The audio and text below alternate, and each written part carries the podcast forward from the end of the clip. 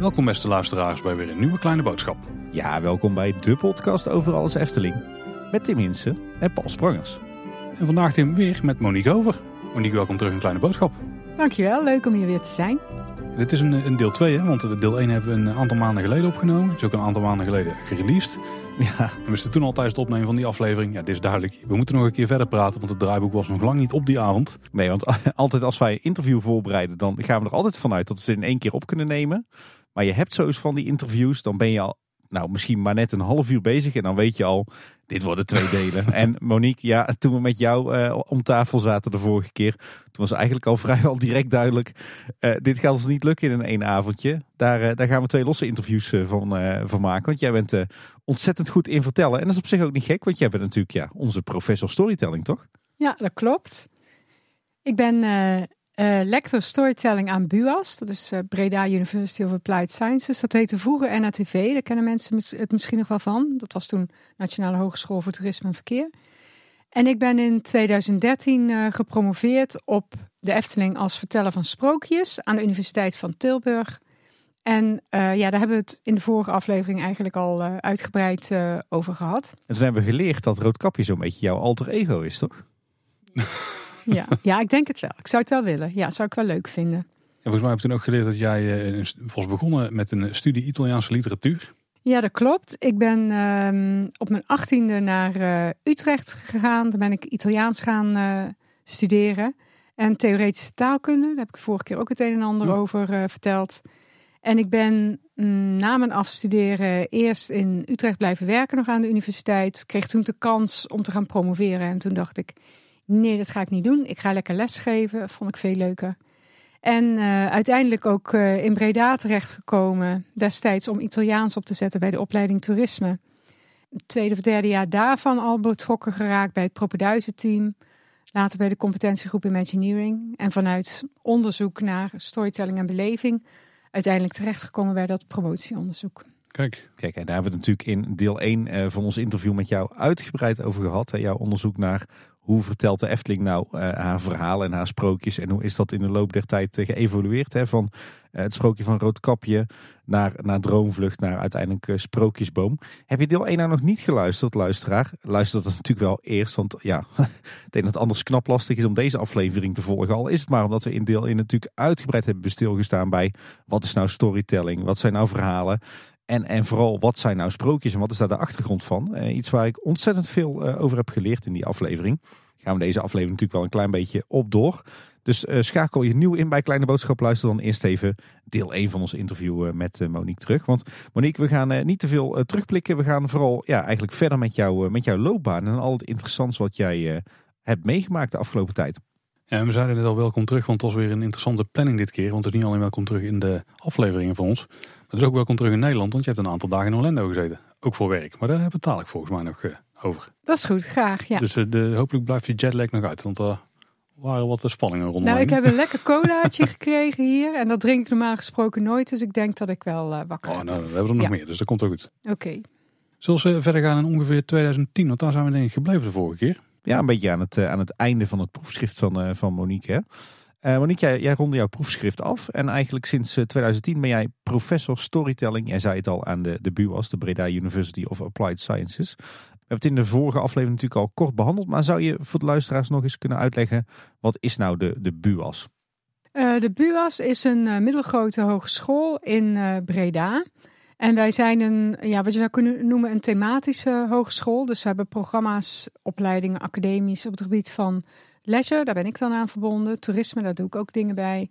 Eh, hospitality Facility Management, media en games. En ja, built environment, logistiek en dergelijke. Dat was vroeger de Verkeersacademie eh, Tilburg. Maar die zijn volgens mij in de jaren tachtig al gefuseerd. Destijds met de opleiding toerisme. Wij zeggen wel eens gekscherend, dit was onze droomopleiding. Hè? Als het al had bestaan voordat Paul en ik naar, eh, naar, de, naar het hbo gingen. Ja, en ik denk wat vooral jullie droomopleiding zou zijn geweest, dat was eh, ATPM. En dat is een speciaal track, noemen wij dat dan. Een, een opleiding die je kunt gaan doen als je je eerste jaar hebt afgerond van toerisme, vrije tijd eh, of hotel facility. Moet je ook voor uh, ja, geselecteerd worden. Je moet er eigenlijk voor solliciteren om uh, daarin terecht te komen.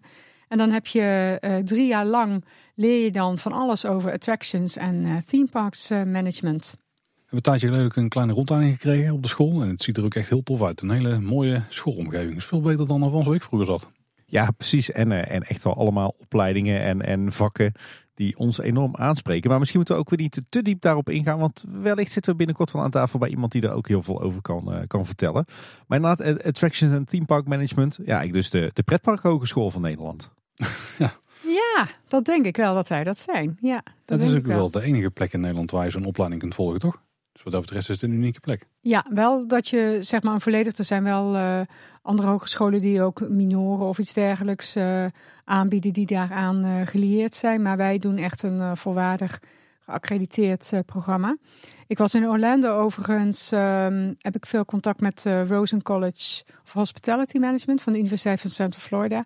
En zij beginnen nu over een jaar, denk ik, ook met een undergraduate noemen ze dat dan. Hè? Dus met een bachelorprogramma uh, op het gebied van teamparks. En dat is wel heel leuk, want we werken veel met hun samen. Ook geïnspireerd op uh, de bureaus, op uh, eh, ATPM? Nou, zij weten wel, zeg maar één professor van die hogeschool, Adi Milman, die is um, wel een soort adviseur geweest bij ons toen wij het programma, het nieuwe curriculum gingen ontwikkelen. Dus, en sindsdien heb ik, ja, zowel met Adi Milman als met Carissa Baker, daar ga ik straks ook nog heel veel over vertellen heel veel uh, contact. Dus, uh... Milman, die naam moet ik wel eens langskomen in pretparkprofs volgens mij. ja, precies, inderdaad, ja. Ja, dat klopt. Hij heeft heel veel gepubliceerd, heel veel onderzoek gedaan uh, naar uh, teamparkbeleving met name ook. En heeft er heel veel over gepubliceerd, ja. Ja, om toch even naar, naar ons Brabantse te trekken. Is het nou toeval dat de BUAS in Breda zit? Of heeft dat toch ook een beetje te maken met de nabijheid van bijvoorbeeld een, een Beekse Berg en een Efteling? Ja, het komt eigenlijk voor. Toen, toen ik er ging werken, toen, was het, toen ging het om de toeristische opleidingen. Dus dat, dan had je inkomend toerisme, binnenlands toerisme en je had uitgaand uh, toerisme. En daarvan was eigenlijk een, een soort ja, variant of een onderdeel was, was uh, leisure. En later is dat uh, zelfstandig geworden als een aparte academie. Maar voor het buitenland, zeker in de Amerikaanse context, is dat eigenlijk nog steeds heel raar dat je een academie hebt voor hotel facility en voor leisure en voor leisure events en voor toerisme. Dus bij ja, Rosen College of Hospitality Management, daar valt van alles onder. Daar vallen ook themaparken onder, daar vallen hotels onder en daar vallen events onder. Dus het is een beetje een vreemd onderscheid wat bij ons organisch zo is uh, gegroeid, zeg maar. Maar we werken ook steeds meer samen, ook als onderzoekers en als ontwikkelaars. Ja, voor mijn gevoel vallen al die verschillende deelopleidingen ook allemaal onder de koepel van leisure. Ja, precies. Sinds 2010 eh, ben jij dus eh, professor storytelling aan de BUAS. Uh, wat houdt die functie precies in? Waar hou je je zo al mee bezig? Nou, het, ik ben wel sinds 2010 lector, maar ik was, om het helemaal correct te zeggen, toen nog niet gepromoveerd. Toen was ik nog bezig met mijn promotietraject. Ik ben in 2013 uh, gepromoveerd uiteindelijk. Dat betekent ook dat ik mezelf dokter mag noemen. Dat doe ik nooit. En dat vond ik ook heel raar dat ik nu weer in Amerika was op de universiteit. Dan word je de hele tijd voorgesteld als dokter Hover. En mensen schudden dan zeggen, hallo dokter. Dus dat is heel raar eigenlijk. Ja. Dat je in het ziekenhuis bent. Ja, ja. en ik heb nog steeds, mijn man is dierenarts. Dus dat, ja, nette mensen, nette oudere mensen zeggen tegen hem dokter. En mijn oudste zoon is militair arts. Dus daar zeggen ze ook dokter tegen. Maar ze moeten mij niet uh, gaan roepen als er een dokter in de zaal moet zijn. Voor het een of ander, En heel gezien vol doktoren dus eigenlijk. Ja, ja. En een gameontwikkelaar. Dus uh, van maak, alles wat. Maken ze er niet dokter Hoover van? Ja, hoeven. Ja, dat is wel grappig. Ja, het is eigenlijk hover dan, hè? dus uh, zweven. Maar ik weet nog dat mijn vader heel lang geleden, we gingen altijd in Engeland op vakantie. En toen had hij dan de Hoovercraft geboekt, zeg maar. En toen kreeg hij ook een hele grappige brief terug van leuk om u te ontvangen. En, uh, terwijl het wordt anders geschreven, maar toch. maar wat doet een uh, lector? Ik geef leiding en invulling aan het, het, het, inhoudelijke gebied van storytelling. Dus wij bestuderen wat het is. We doen onderzoek naar effecten van storytelling, wel altijd in de context van toerisme, vrije tijd, media, op dat uh, raakvlak, zeg maar, cultuur. Themaparken horen daar natuurlijk ook onder. En ik doe met name veel onderzoek dan met onze neuro-onderzoekers. Dus we hebben een experience lab bij BUAS, waar metingen kunnen worden gedaan naar emoties van mensen via EEG's, dus via een badmuts die je op je hoofd krijgt, dat ze hersenactiviteit kunnen meten. Maar ook via uh, polsbandjes, waarbij je via huidgeleiding, zeg maar, indicatoren kunt vastleggen of indicaties kunt vastleggen van emotionele reacties bij mensen. En dat proberen we dan zoveel mogelijk te combineren met uh, ja, ook vragenlijsten, diepte-interviews of het in kaart brengen van processen van betekenis uh, geven. Dus het is heel leuk, want wij proberen aan de ene kant ook storytelling in te zetten om emoties teweeg te brengen, om herinneringen te, te garanderen, zeg maar, of te activeren. En om betekenis uh, te zorgen dat mensen ergens betekenis aan kunnen ontlenen. En dan is het heel leuk dat de andere onderzoekers kunnen kijken van ja, maar werkt het ook zoals het werkt? Ja, dus je brengt echt in kaart wat zijn nou werkelijk bij de mensen uh, de effecten van storytelling. Ja, precies. Dat proberen we, want het is heel erg moeilijk. Dus, uh, dus bijvoorbeeld Wim Strijbels, die jullie hier al te gast hebben gehad. Dat is gewoon een hele goede collega van mij op dat gebied. Maar ook onze nieuwe hoogleraar Marcel Bastiaans, uh, André Mitas, Amerikaanse collega van mij. Daar werk ik graag en intensief mee samen.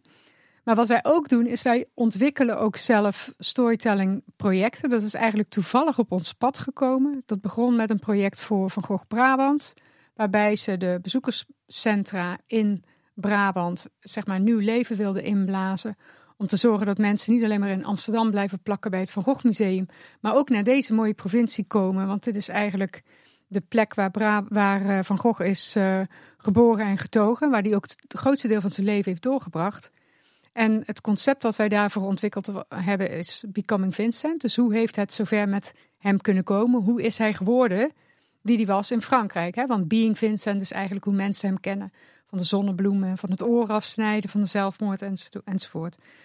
Dus dat, uh, dat ging heel goed. Dat wordt nu op dit moment worden de bezoekerscentra ook heringericht in lijn met dat concept. Dus het bidboek heet ook Becoming Vincent. Dus dat is wel een mooi resultaat.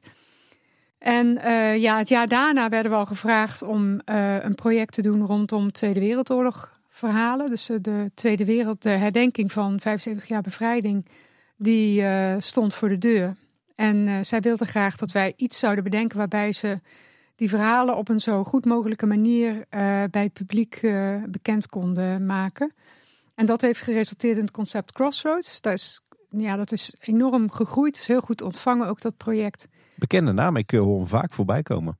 Ja, ja, het is wel als campagne, als publiekscampagne is het uh, Brabant Remembers gaan heten. Ook in lijn met wat er uh, internationaal en voor de rest in Nederland gebeurde. En uh, ja, ik zit nu in de adviesraad voor Brabant Herinnerd, want we gaan het nu in het Nederlands doen voor de 80-jarige herdenking. En er zijn ook weer allerlei projecten die doorontwikkeld worden. Maar dat zijn dus allemaal uh, losstaande projecten die je eigenlijk doet naast je werk bij de BUAS? Of is dat echt ja, het onderdeel van je werk bij de nee, BUAS? Dat is, dat is onderdeel van het werk. Want um, net als bij uh, games en media bijvoorbeeld wordt ook heel veel ontwikkeld. Dus er zijn collega's die ook zelf games ontwikkelen of mediaproducties ontwikkelen of iets dergelijks. Zijn het dan ook studenten die daaraan meewerken of is het vooral iets wat bij de ja, moet ik zeggen, de staf zit die dat doet. Ja, we doen dit voor een belangrijk deel als staf. Dus deels zijn dat onderzoekers, maar er zitten ook een uh, aantal mensen bij die echt vanuit een bepaalde creatieve expertise dat uh, doen. Dus die heel veel expertise hebben op het gebied van storytelling of conceptontwikkeling. En ja, dat, dat is ontzettend leuk, want ik heb daardoor een heel gevarieerd team. Of ik heb steeds een andere samenstellingen, andere teams waar we dat mee doen.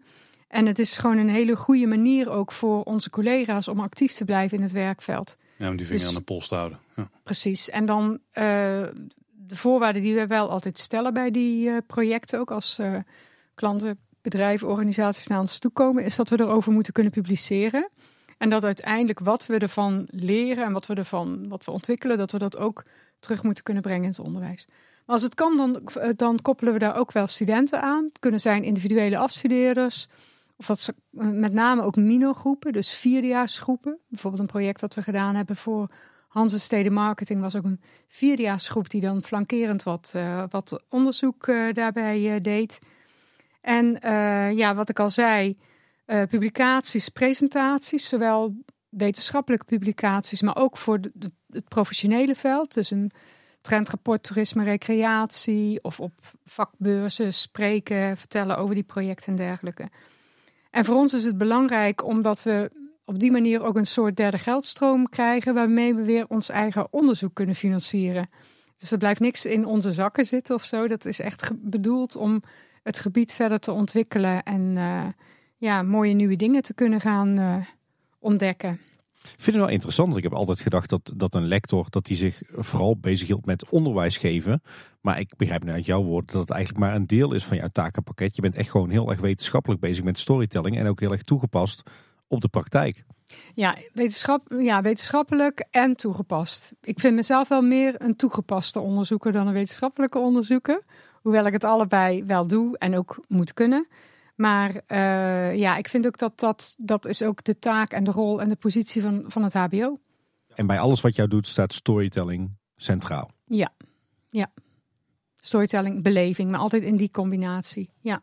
Hey, en, en Monique, als je dan kijkt naar een standaard week op de buurwas, wat, wat is dan een beetje de verdeling tussen, tussen het, het onderwijs geven, het onderzoeken, het, het werken voor het werkveld? Hoe, moet ik dat voor me zien? Oeh, onderwijs um, niet zo heel erg veel. Dus ik heb um, met name vierdejaarsgroepen waar ik ook op afroep dingen voor uh, doe. Dus uh, als een groep met een project bezig is, minogroep vanuit storytelling en experience, dan kunnen ze gewoon ja, tijd met mij boeken. En dan ga ik met hun doornemen wat ze aan doen zijn en probeer ik ze te adviseren. Individuele afstudeerders. Tweede jaar ATPM, dus Attractions en Teamwork Management. Daar hebben we een heel blok van vijf weken dat Fundamentals of Storytelling heet. En daar doe ik gelukkig wel drie colleges in. Dat is ook de studenten die ik eigenlijk dan het beste leer kennen, zeg maar. En de masteropleidingen, Master Engineering, Master Event Management. Ik heb nu gisteren toevallig een college gegeven bij uh, de hotelschool, bij Hospitality Management. Dus het is ook een beetje wat er op me afkomt. Maar ik heb geen eigen groepen meer of eigen afstudeerders ook uh, niet zozeer heb ik ook niet echt tijd voor. Dus, uh... wat, wat is dan een beetje zeg maar, het, het aandeel van de, de vele dingen die jij doet in, in een beetje standaard week? In een week zou ik zeggen, nou één dag in de week is wel onderwijs uh, gerelateerd.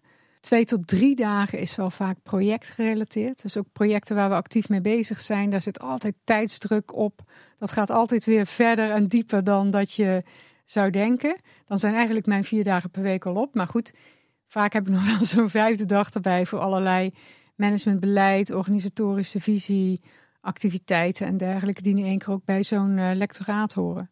En ik heb het idee dat je ook een soort van ambassadeur storytelling bent. Hè? Want je zegt je bent net weer terug uit Orlando. Nou, we hebben je natuurlijk gezien bij één vandaag. Uh, we, zien je sowieso ook wel eens rondlopen in de, de vrije tijdssector op allerlei plekken. Of voorbij komen in krantenartikelen of interviews. Dus je bent ook ja, toch wel dokter storytelling dan. Ja, ja, dat is wel zo gegroeid inderdaad. Ja. Nou ja, je hebt als lector ook eigenlijk wel een boegbeeldfunctie. Dus je kunt niet, eigenlijk niet permitteren om in een ivoren toren alleen maar met je eigen kleine uh, onderwerp helemaal verdiept uh, bezig te zijn. Dus je moet juist naar buiten toe en laten zien dat het, uh, ja, dat het nuttig is. Je moet dat proberen bij te dragen aan de maatschappij en aan het werkveld.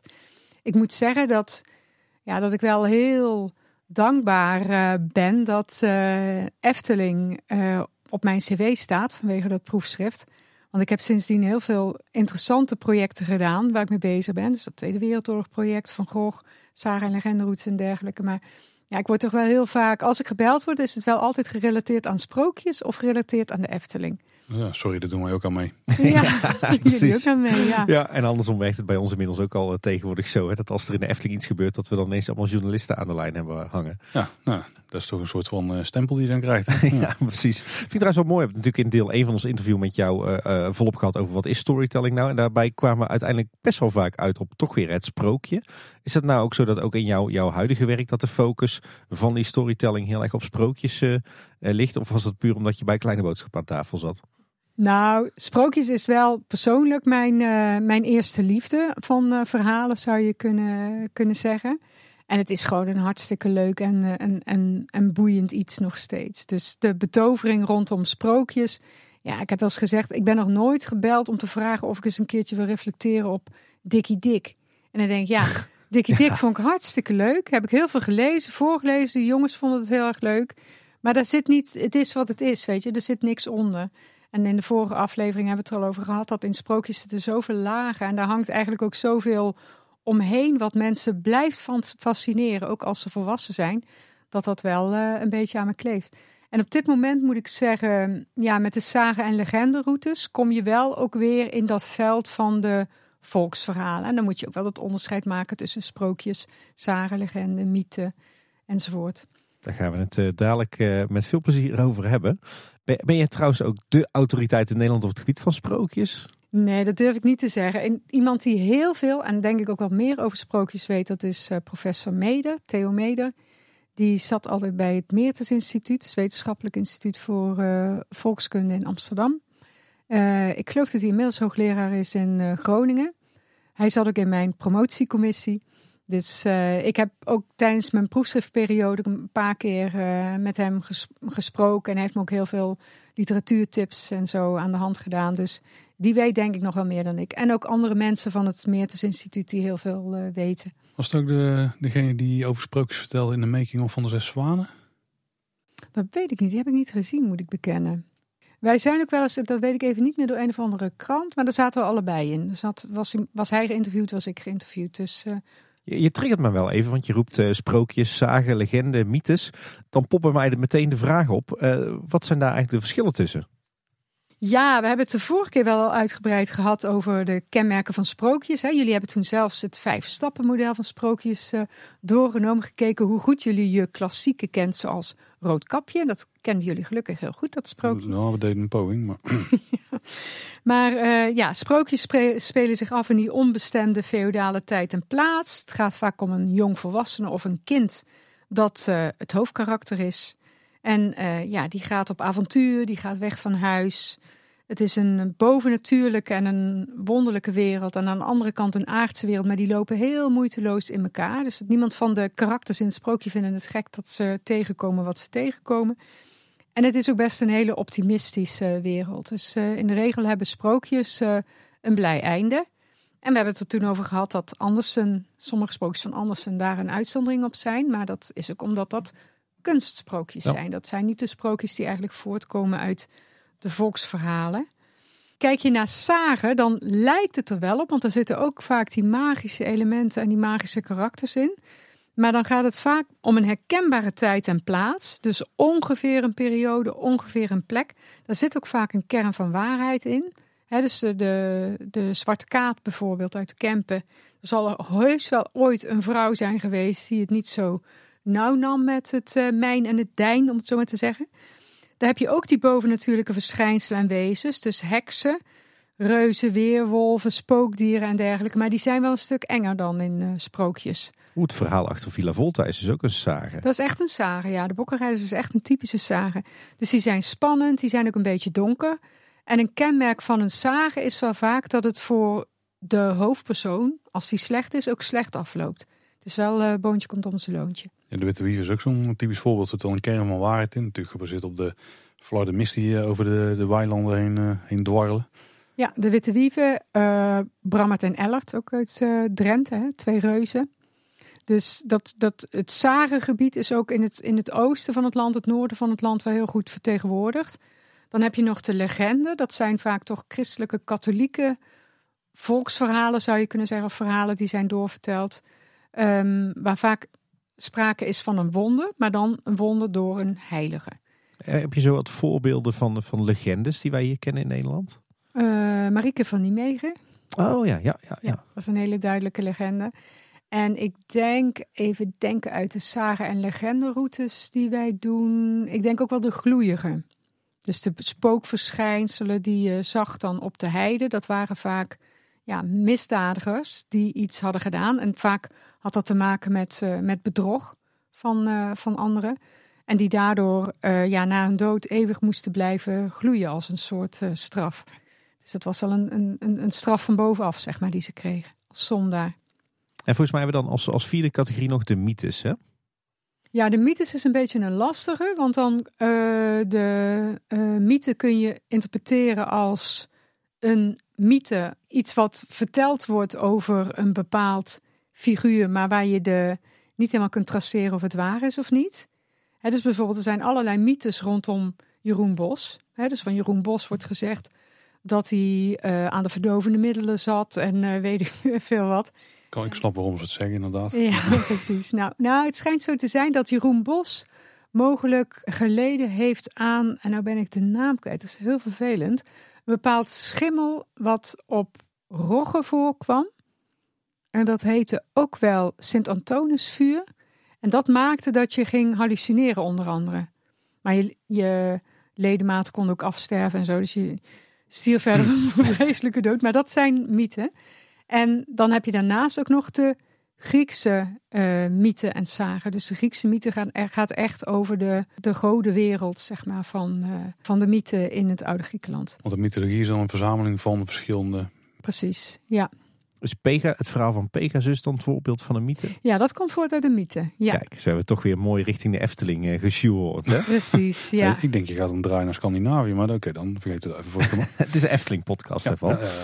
Eh, nou, zo hebben we toch weer een mooi stukje theorie in eh, onze podcast gefietst. Maar dan eh, ben ik wel benieuwd, want in de vorige aflevering, ons vorige interview met jou, eh, Monique, hebben we het, heb je een aantal keer het begrip Efteling Academy laten vallen. Dat is volgens mij ook iets waar je mee bezig bent geweest in jouw tijd bij de NNTV en eh, inmiddels de BUAS. Hè? Ja, dat was ook ontzettend leuk. Ik heb in 2000, heb ik vorige keer ook wat uitgebreider verteld. Dus ik kan het nog even kort samenvatten. Ik was eigenlijk sinds 2003, denk ik, had ik al een soort onderzoeksprogramma lopen met uh, studenten naar belevenisinstrumenten en beleving.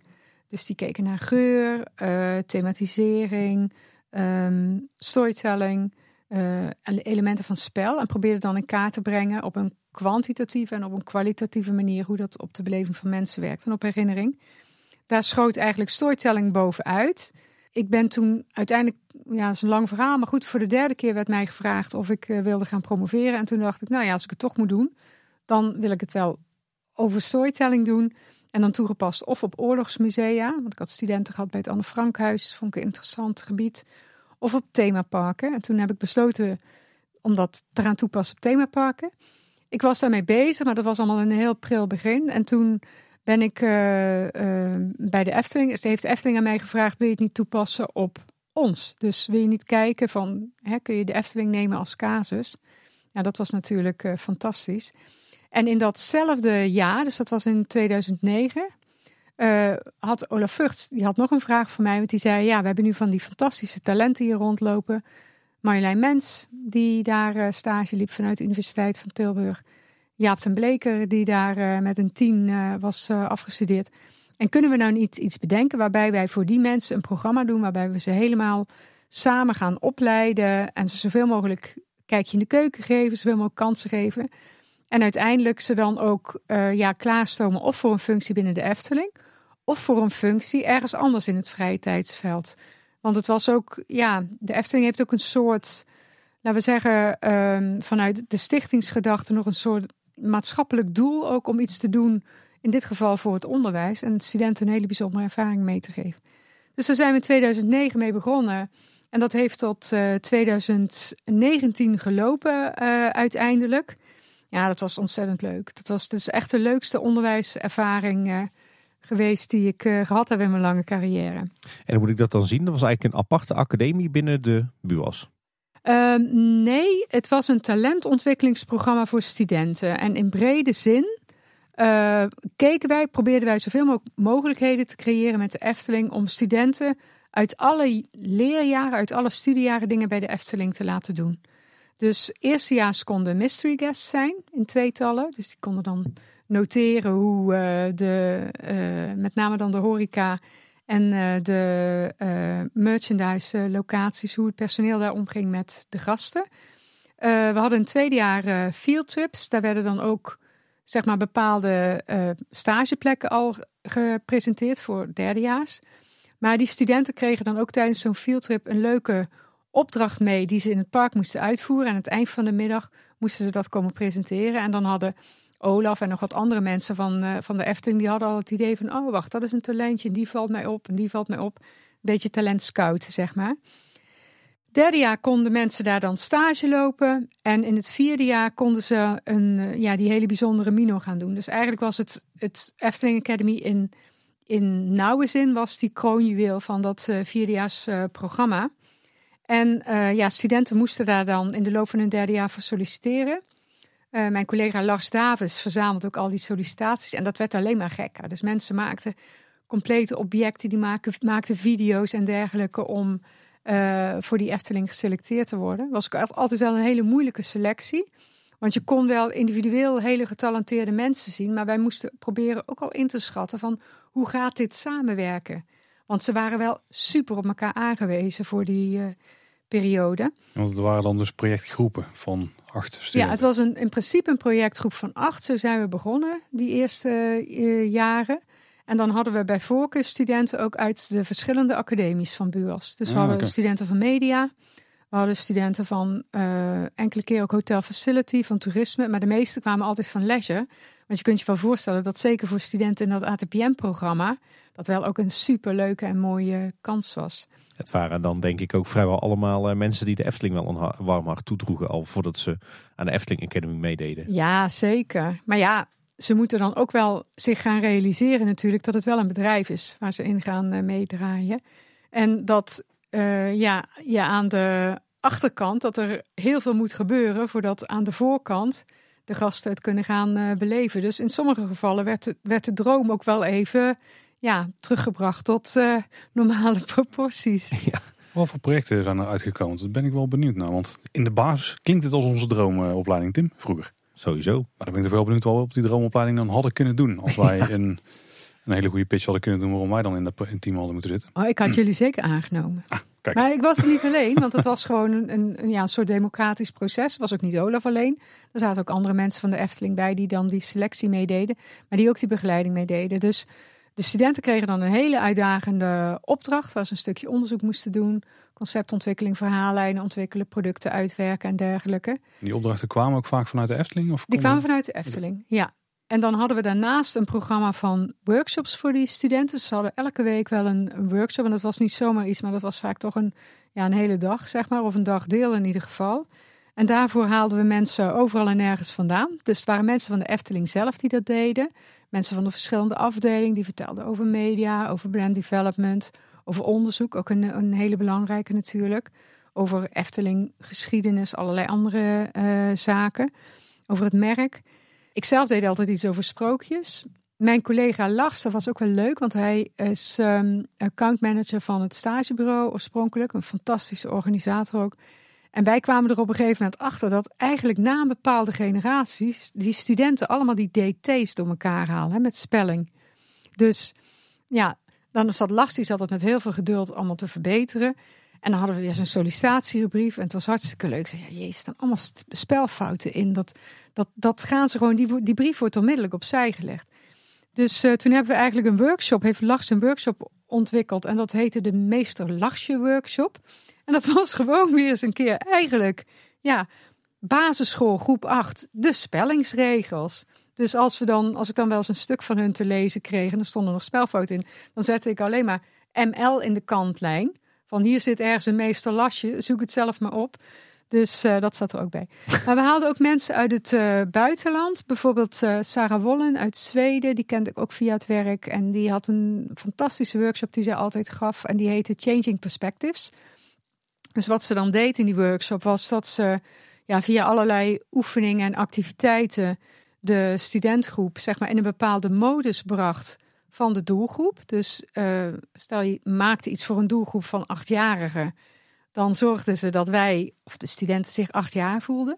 Vervolgens gingen ze het park in en dan moesten ze daar bepaalde activiteiten doen. Of moesten, ze, moesten ze gaan kijken zoals zo'n kind. En het is heel wonderlijk dat je dan compleet andere dingen gaat zien. Dat was altijd een hele mooie.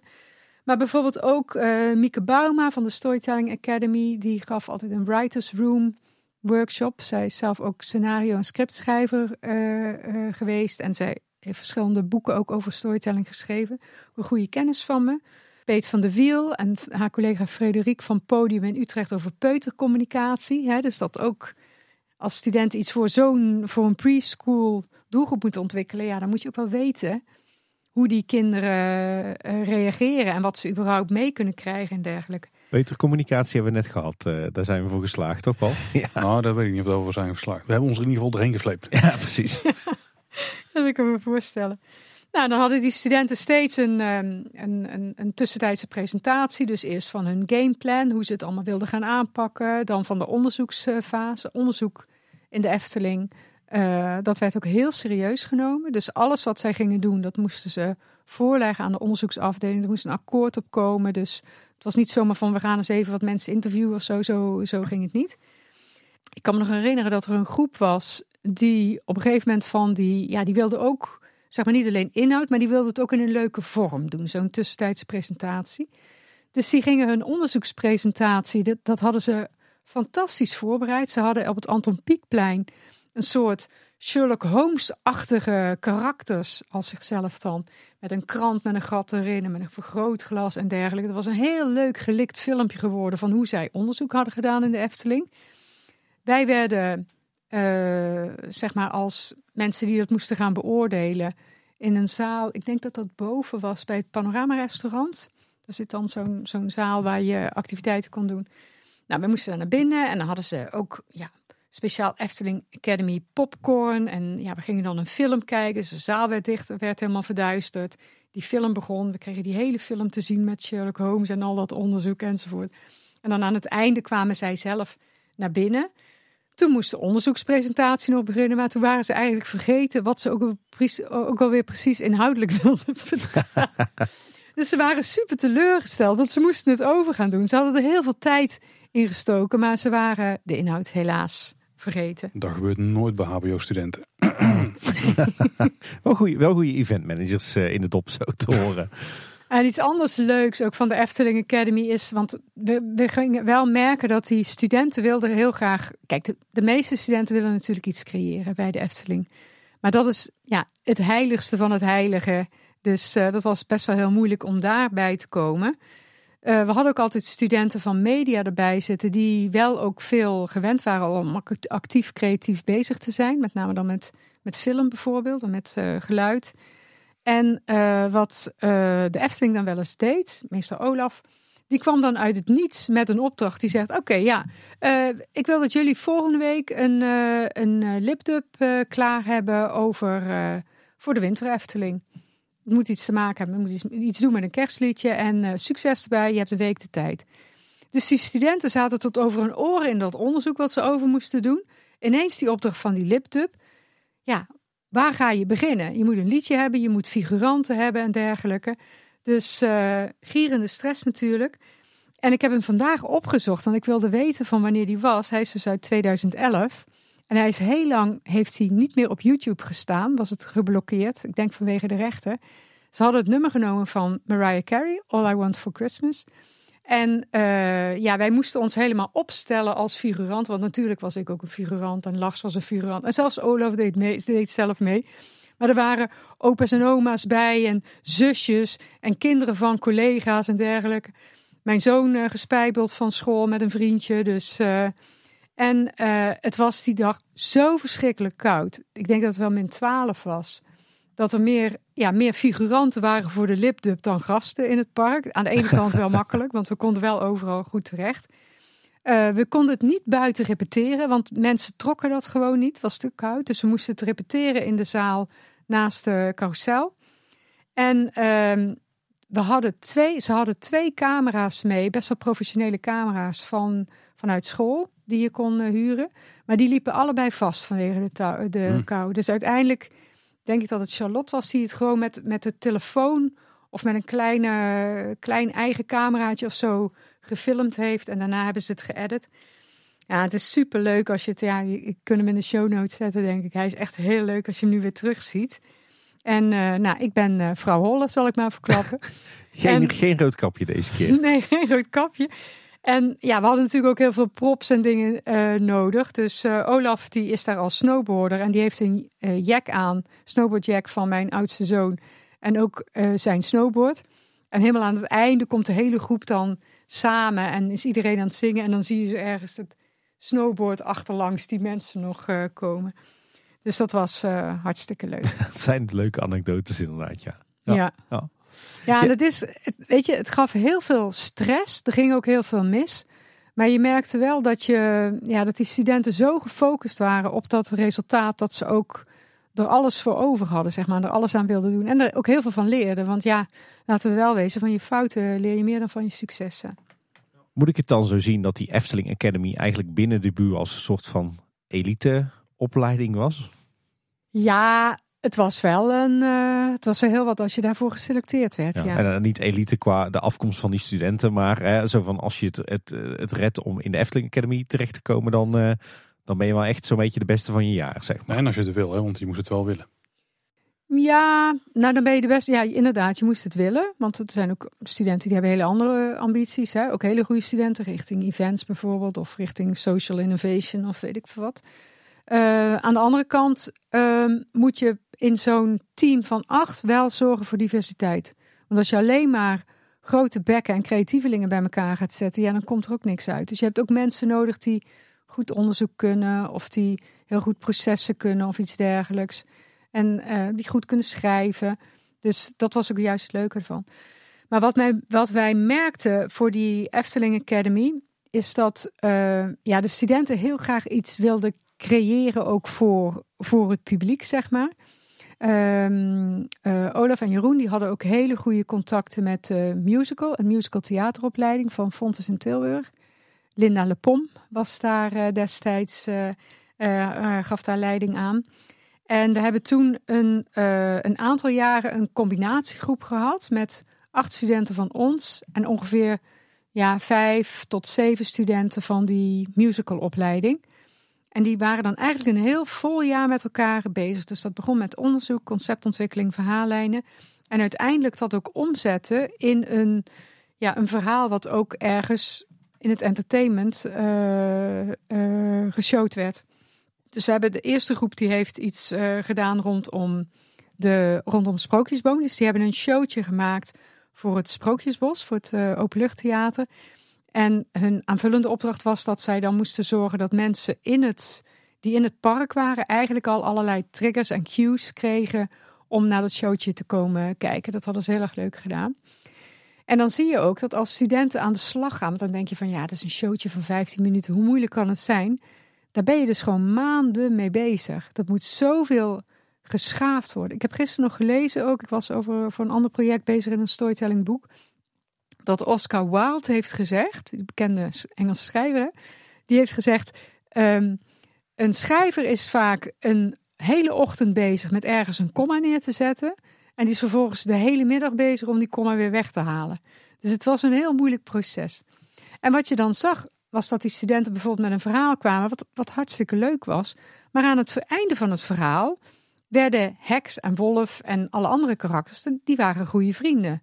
Hè, eind goed, al goed. Leefde nog lang en gelukkig. En dan zei de Efteling, ja, maar nee, dat kan niet. Alle karakters moeten wel weer terug in een soort nulstand, want wij moeten weer nieuwe verhaaltjes daarmee kunnen vertellen.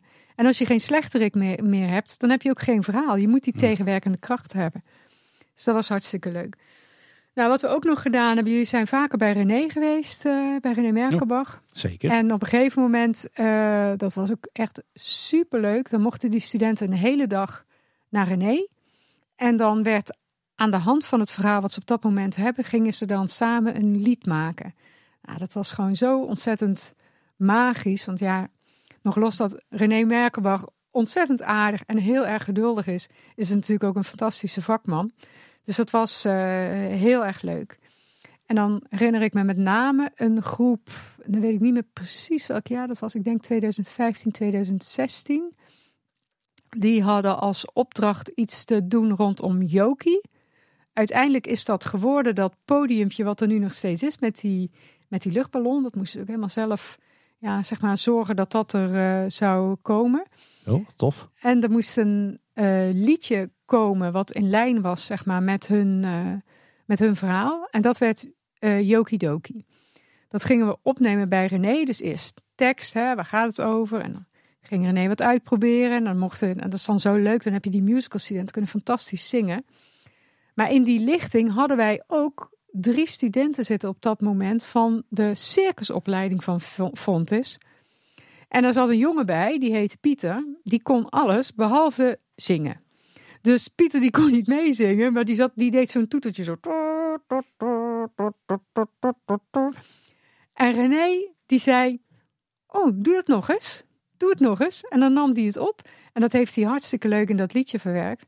En ik heb vandaag nog gekeken. Dat liedje is inmiddels meer dan 13 miljoen keer aangeklikt al op YouTube. ik heb het gevoel dat ongeveer 1 miljoen daarvan uh, bij mij thuis heeft gespeeld. ja, Ja, het is heel erg leuk. En de studenten die je daar ziet, dat zijn Amy en Sven. Dat waren ook studenten uit die uh, Efteling Academy die dat toen uh, gespeeld hebben. Die hebben ook nog jaren het entertainment gedaan in de Efteling. Volgens mij zijn ze inmiddels beide weg. Ja, die hebben ook de, wat, met de studenten van Fontes was het zo dat ze vaak dan zeg maar de Efteling deden, Efteling Academy deden de eerste helft van het jaar. En dan een tweede helft van het jaar de op een aantal opvoeringen dan van wat ze zelf ontwikkeld hadden.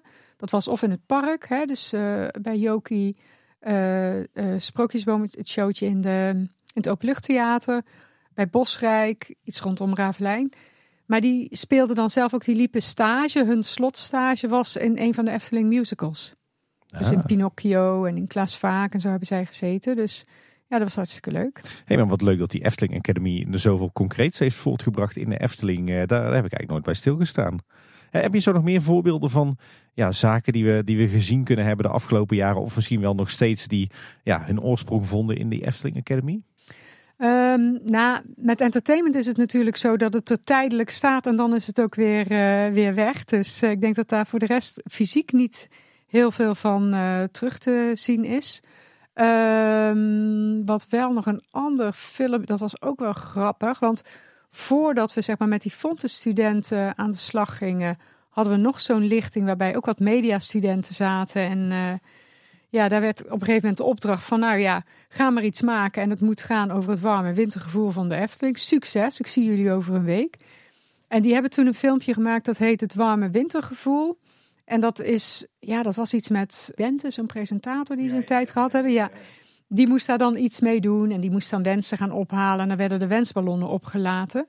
Dat zouden we nu niet meer doen tegenwoordig, hè, in verband met sustainability, maar toen wel. Maar dat was ook een dramatische, zo koud als het was bij die opnames voor die lipdub. Zo eh, regenachtig en winderig en of juist geen wind, ik weet het niet eens meer. Was het die dag dat, eh, of die avond dat dat zou worden opgenomen. En die ballonnen die wilden maar niet de lucht in en dergelijke. Dus je ziet op een filmpje dat mensen echt hem zo min of meer omhoog gooien, zeg maar. En heel veel van die ballonnen zijn toen in de vijver uh, terechtgekomen. Daar was Aquanura nog niet, denk ik, nog net niet. En de volgende dag moest uh, Eppo Zegers, die zit inmiddels bij PNP Projects, en Leroy Koevoets, die zit in uh, Polen. Die moesten met een bootje de vijver in om al die ballonnen op te ruimen. in, in december. Ben ik trouwens wel benieuwd. Heeft, heeft de Efteling Academy zo wat grote namen voortgebracht die we kunnen kennen uit de Efteling of de pretparkwereld? Ja, er zijn natuurlijk, weet je, het zijn zoveel studenten geweest over, over zo ontzettend veel jaren. Dat als ik nu alle namen, als ik nu de namen noem, dan ben ik bang dat ik er heel veel vergeet. Dus vergeef me als ik er heel veel vergeet. Maar een aantal die in ieder geval bij de Efteling zijn blijven hangen of weer zijn teruggekeerd. Of daar langere tijd hebben gezeten. Uh, Bart Kleijsen, uh, Niels Witkamp, die inmiddels mijn collega is. Die was ook mee naar uh, Orlando. Die heeft ook zeven jaar bij uh, als producer entertainment gewerkt. Nou, Simone Hogendoorn, Sven Becker heeft er volgens mij nog een tijdje te gezeten. Stefan van der Putten, die was een tijd weg. Die heeft op andere plekken gezeten en is inmiddels ook weer bij, bij de Efteling. Ook een hele goede student. Bart Leusink. Ja, en voor de rest zijn er ook heel veel andere studenten die zijn andere dingen gaan doen. Nicole, Marjolein, Miaka, Annie, Shores. Ja, die lijst is eindeloos. Uh, William Watts, ik weet niet of jullie dat van die DJ Experience in Breda, hebben jullie daar iets over Ja. gehoord? Of iets? Ja, dat is ook een oud student van de Efteling Academy. Dus het zijn wel, je ziet wel, dit zijn mensen, dit zijn ja, aanpoters, zeg maar, die vooruit willen komen. En uh, ja, die ook in de, in de wereld van de media of communicatie uh, terecht zijn gekomen. Of ja, of bij andere uh, attractieparken kan natuurlijk ook. Ja. Hoe was eigenlijk jullie samenwerking met eh, de Efteling in die, die tien jaar dat, dat de Academy heeft bestaan? Ik denk dat ik het beste kan uh, typeren als heel intens. Dat is eigenlijk het beste woord wat ik ervoor kan, uh, kan gebruiken. Het was wel heel zwaar, zeg maar. Het, het, was ontzettend leuk. Het was super inspirerend. Maar het was voor een organisatie is het wel heel zwaar. Want je hebt ineens heel veel studenten. De Efteling neemt de begeleiding van studenten heel serieus. Dus uh, het, het maakt ook dat het wel zwaar op die, op die organisatie drukt om het allemaal weer voor elkaar te krijgen. En je moet je voorstellen, het zijn mensen die het zelf al super druk hebben. En dan hebben ze ook nog ineens acht studenten die allemaal hun onderzoeksvoorstellen en weet ik veel wat willen laten zien. Dus, uh, maar ja, wel heel erg uh, fijn. Ik vond het heel mooi en ik vind het ook, ja, ik heb het vorige keer ook al gezegd. Ik vind dat Olaf heeft, met name Olaf, op die manier voor heel veel mensen heel veel betekend. Maar ook de andere mensen van, van de Efteling hoor, die, die geduld hadden en tijd namen. Dus Niels Witkamp bijvoorbeeld, die ging na zijn afstuderen, bleef hij er werken bij Entertainment. En die kreeg de jaren daarna, toen hij er zelf werkte, natuurlijk ook iedere keer studenten van de Efteling Academy, die dan stage kwamen lopen of weet ik veel wat. En dan zag ik hem bezig met die studenten. En dan zei ik: Niels, waarom kom je nou niet het onderwijs in? Je bent toch geknipt voor het onderwijs? En hij zei: van, ja, Nee, producer, entertainment en Efteling en zo. En nu is hij toch bij het onderwijs uh, terecht. Kijk, schitterend. Ja, en een hele belangrijke naam voor de, vanuit de Efteling Academy, voor mij althans, in eh, storytelling en onderzoek is Julian van Waalwijk. Die het jaar nadat hij afgestudeerd is, eigenlijk al bij ons met het Van Gogh project is begonnen. En die nu al jarenlang uh, ja, echt mijn, ook mijn sparringpartner op het gebied van uh, storytelling is. Dus dat is heel leuk. En je zegt Olaf Vugts was de drijvende kracht achter de, de Efteling Academy vanuit de Efteling. Was jij dat dan vanuit de BUAS? Ja, inhoudelijk gezien uh, wel. Maar we konden dat niet zonder ja, heel veel uh, mensen die het heel goed konden organiseren. Dat was aan de kant van de Efteling in die tijd ook Danielle Collignon die heel veel deed. Jaap, zeker in de beginjaren, heeft ook heel veel daaraan gedaan. Marjolein Mens vanuit onderzoek die altijd meenam, meedacht en meewerkte. Ja, later, ik heb moet wel zeggen dat ik in die laatste jaren ging mijn collega Monique Schulte de directe begeleiding van die groep meer en meer overnemen omdat ik gewoon te veel andere dingen op mijn uh, bord had. Toen is ook de Fontis was na een aantal jaren afgehaakt, ook omdat ze het organisatorisch allemaal niet meer rondkregen daar. Want ja, wij horen nu heel vaak van partijen uit het werkveld die willen iets Efteling Academy-achtigs. Maar dan denk ik, ja, je wil niet weten hoe lastig het is, ook om het helemaal te organiseren qua studiepunten, competenties en dergelijke. Dus het lijkt allemaal heel vrij. En zeker zo'n hogeschool als die van met die leuke programma's. Maar je moet echt aan allerlei dingen voldoen om gewoon ja, iets geaccrediteerd of binnen de, uh, binnen de criteria van de accreditatie voor elkaar te krijgen. Dus um, dat, uh, ja, dat, dat valt gewoon niet mee. En uiteindelijk is ook, denk ik, het werd toch te zwaar voor de, uh, voor de organisatie. De opdrachten werden weer wat breder. Dus dat zelf iets kunnen creëren, dat, dat, dat ging eigenlijk niet meer zo goed, omdat we die, die uitvoerende studenten, die acteurs en die actrices en die zangers, zangeressen er niet meer bij hadden. En toen uh, ja, was het op een gegeven moment ook uh, op tien jaar is mooi. En dan, maar dat wil niet zeggen dat we niet meer met de Efteling samenwerken voor studenten. Want er zijn heel veel studenten gelukkig die ook mooie stageplekken hebben bij de, bij de Efteling. Met name voor die ATPM-studenten natuurlijk leuk en heel interessant. Ook studenten die vanuit universitaire programma's, de academische programma's, die daar hun onderzoek mogen toepassen. Dat zijn we ook heel blij om. Dus fantastische context natuurlijk om dat te doen. Ja, veel van onze studenten hebben een bijbaan bij de Efteling. En sinds een aantal jaren ook buitenlandse studenten. Dus met name de Duitse studenten. Dat was ook altijd wel een wens. Maar ook dat is best wel lastig te organiseren. Je moet er wel een goede beheersing hebben, ook van het Nederlands. Zeker voor de noodsituaties ook terecht. Maar uh, gelukkig hebben wij veel goede Duitse studenten die dat willen en die dat aankunnen. En dat is toch leuker dan dat je bij de McDonald's werkt. Ja, zeker. studeert. Ja, we, zien nu natuurlijk ieder half jaar heel veel vacatures voorbij komen op de Efteling-site voor uh, stages en afstudeerstages. Dan is het dus tegenwoordig zo dat jullie studenten ook gewoon moeten solliciteren op die stagefuncties. Ja, maar we hebben wel zeg maar hele nauwe banden, zeker ook op, uh, voor die ATPM-studenten, waarbij we de stages die eerst in het derde jaar plaatsvonden. Dus ook die Disney-stages die we hadden, gaan volgend jaar weer beginnen. Nu een aantal jaren niet vanwege corona, jammer genoeg. Uh, hebben we voor die ATPM-studenten uh, ervan gemaakt dat zij in hun tweede jaar al een stage doen. Want dan mag het ook wat operationeler zijn.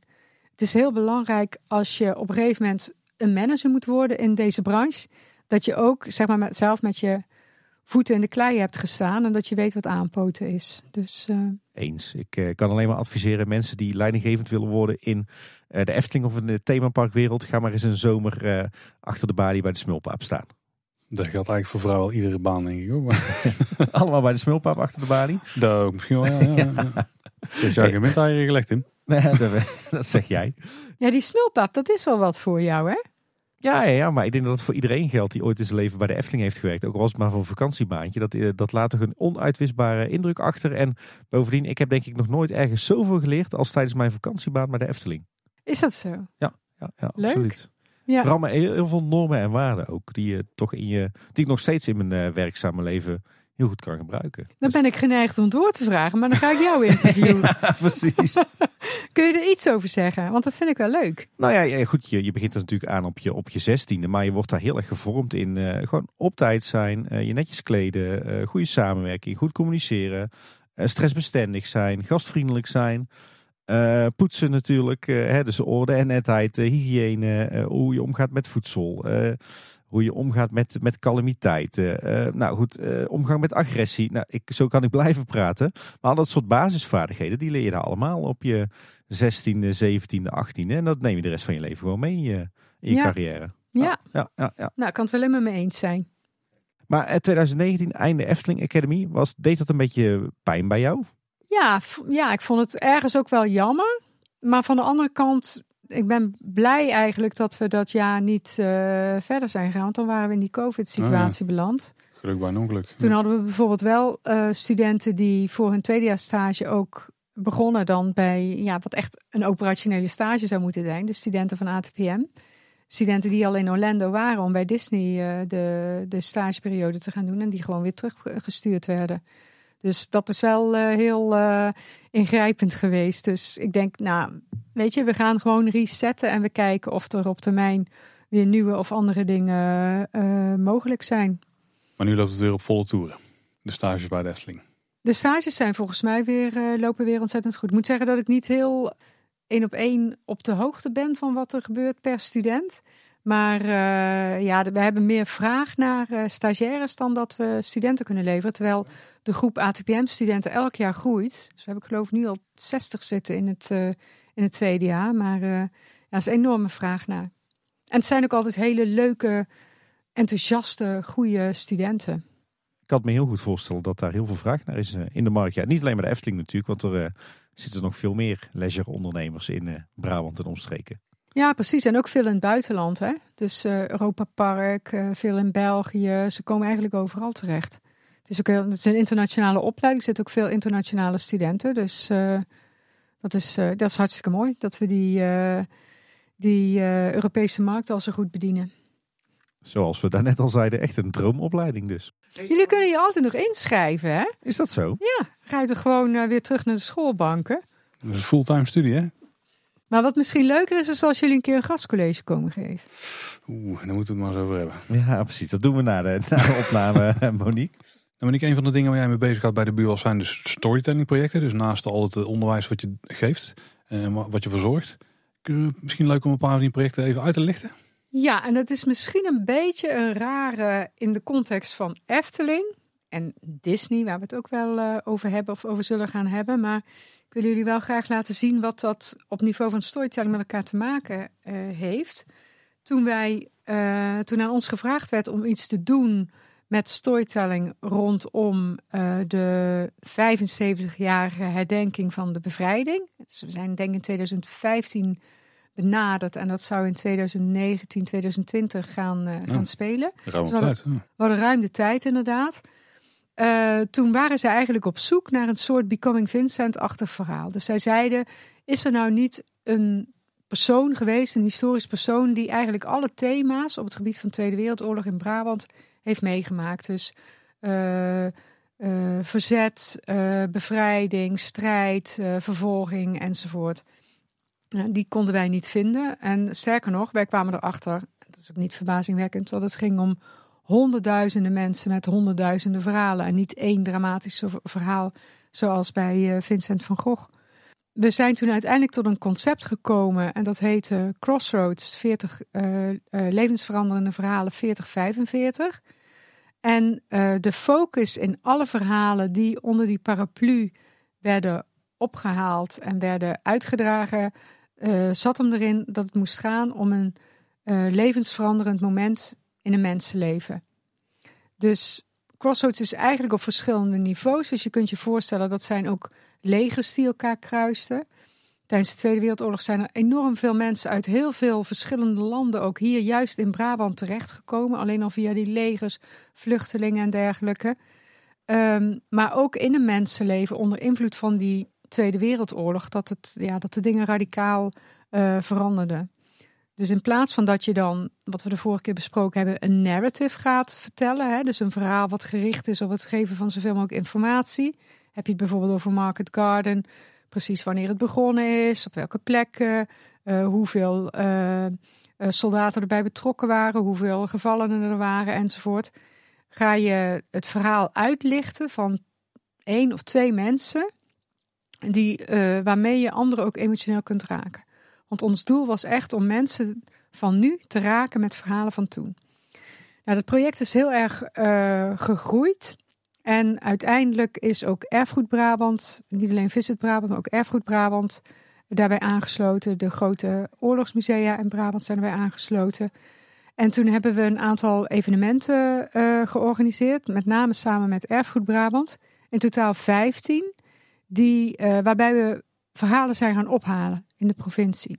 En in sommige gevallen ging dat zelfs om ja, hele oude mensen, zeg maar, achter de rollaten die met hun kleinzoon of kleindochter ja, herinneringen kwamen vertellen. Maar ook heel veel lokale heemkundekringen. Hè. Dus heemkundekringen hier uh, in Brabant zijn heel actief.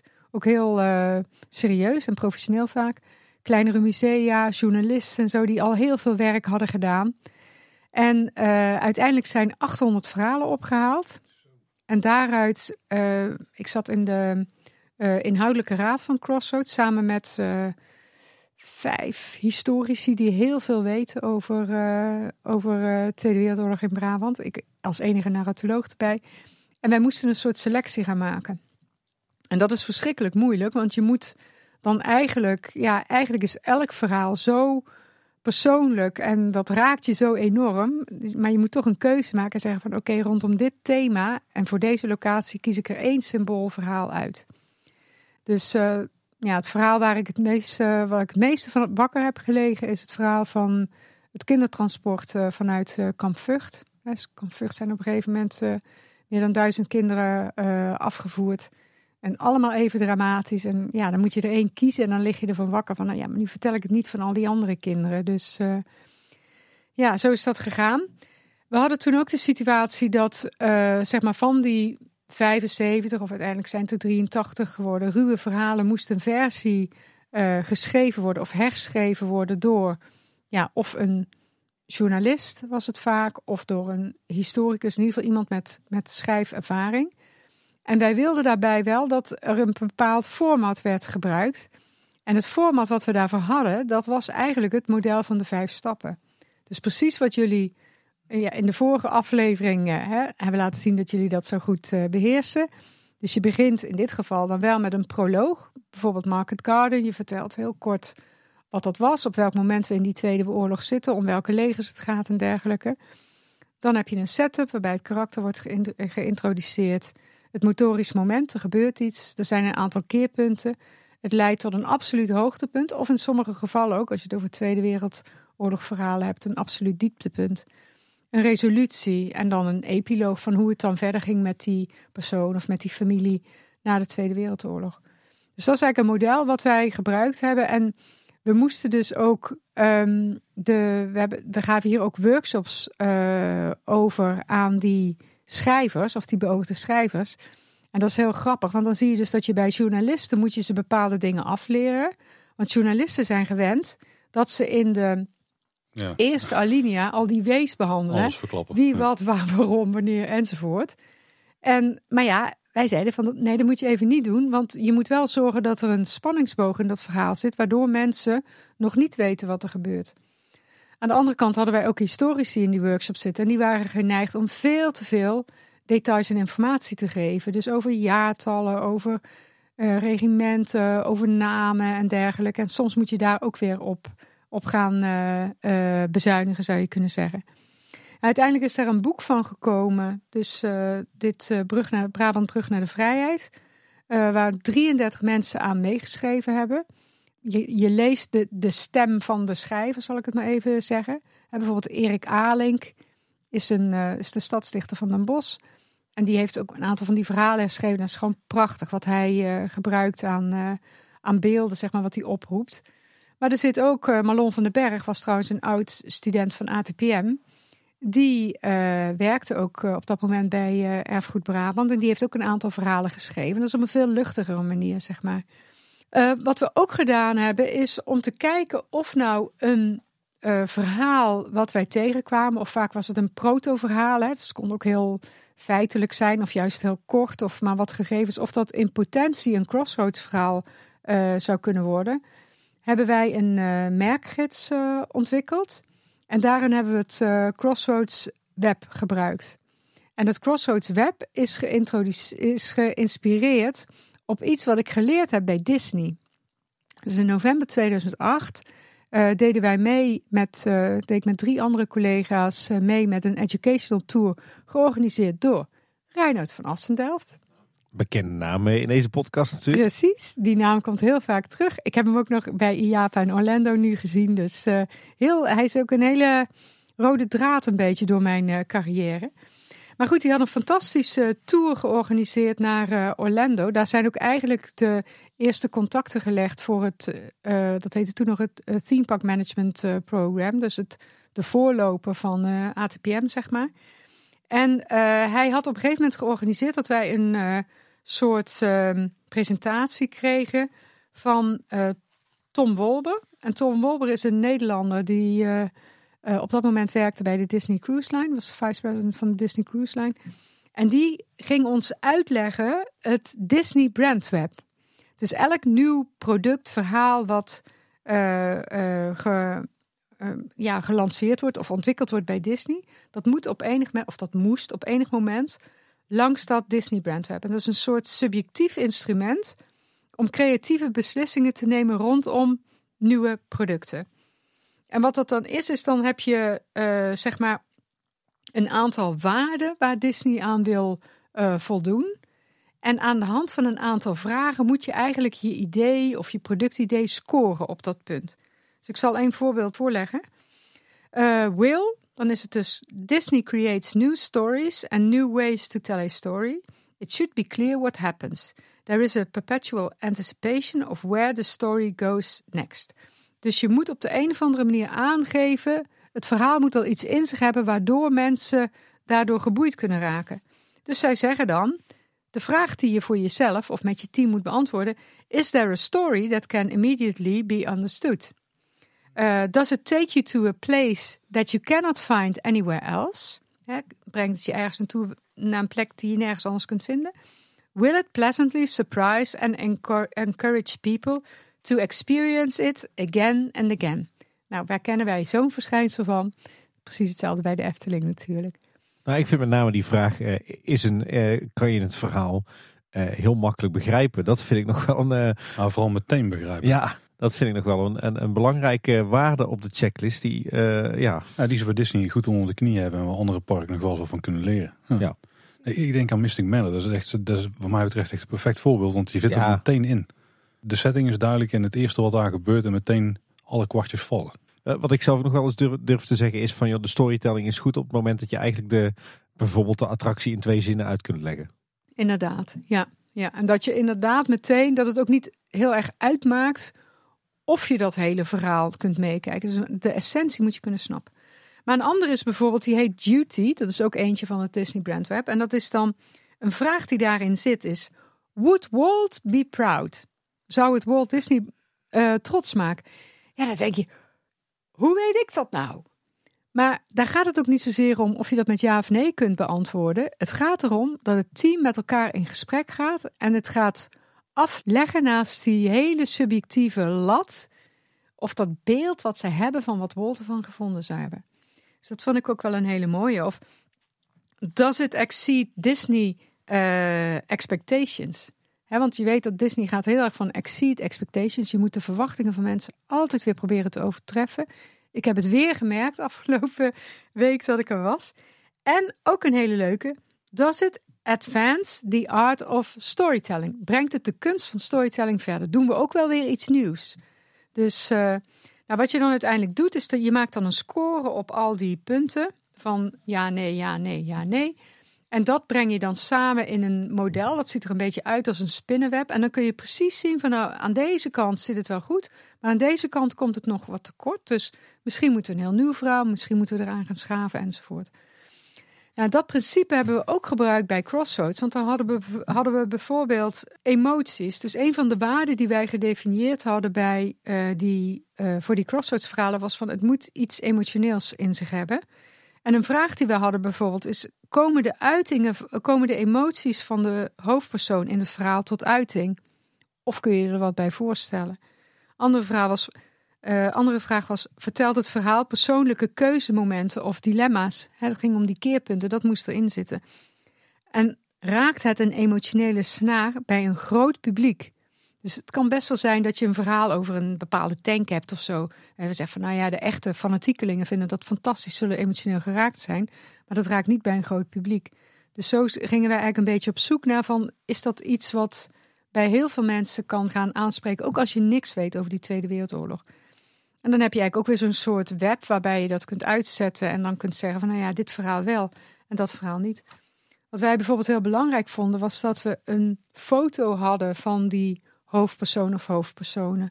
Want wij weten gewoon ook uit onderzoek dat als je iemand in de ogen kunt kijken en je hebt het beeld erbij, dat dat ja, heel erg krachtig werkt. Wat een goed instrument zeg. Je zou, je zou bijna willen dat er ook een soort Efteling brandweb is om te bepalen hoe Eftelings nou uh, een bepaald idee is. Of, uh, uh, of het inderdaad van Efteling kwaliteitsniveau is. Ja, ik denk dat het voor de Efteling heel goed te ontwikkelen zou zijn. Want Efteling heeft een hele belangrijke en herkenbare set van waarden en DNA. Dus ik denk dat je het heel goed zou kunnen gebruiken voor de Efteling. Ja. Hey, een, project wat, uh, wat je net ook al benoemde en wat mij heel erg uh, triggerde, is, uh, zijn de zagen- en legende-routes. Ik, ik ben zelf dol op volksverhalen en ik luister bijvoorbeeld ook altijd met plezier naar de AWB-podcast Verborgen Verhalen. daar komen ook heel veel van dat soort volksverhalen in voor. Maar jij hebt dus zoiets ontwikkeld voor Visit Brabant volgens mij. Kan je eens wat meer vertellen over dat project? Nou, Visit Brabant, uh, daar had ik dus veel mee samengewerkt, ook al uh, rondom dat uh, Crossroads project. Nog een ander project wat we hebben gedaan is een onderzoek naar family fun. Dus te kijken van hoe Brabant zich zou kunnen positioneren, met name in de internationale markt ook.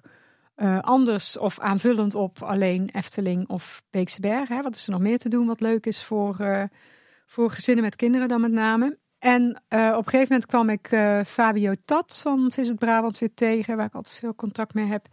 En die zei van, goh, we zijn eigenlijk van plan om iets te gaan doen met uh, routes. En dan met routes met verhalen en dan met zagen en legenden. Dus ik zei, nou, dan moet je bij mij zijn, want daar weet ik heel veel van. Kijk. Daar moest ik me natuurlijk ook nog wel wat meer in gaan verdiepen. Maar we hebben toen, in, ik denk in 2019, al een pilot gedaan met het verhaal van de Zwarte Kaat in de Kempen.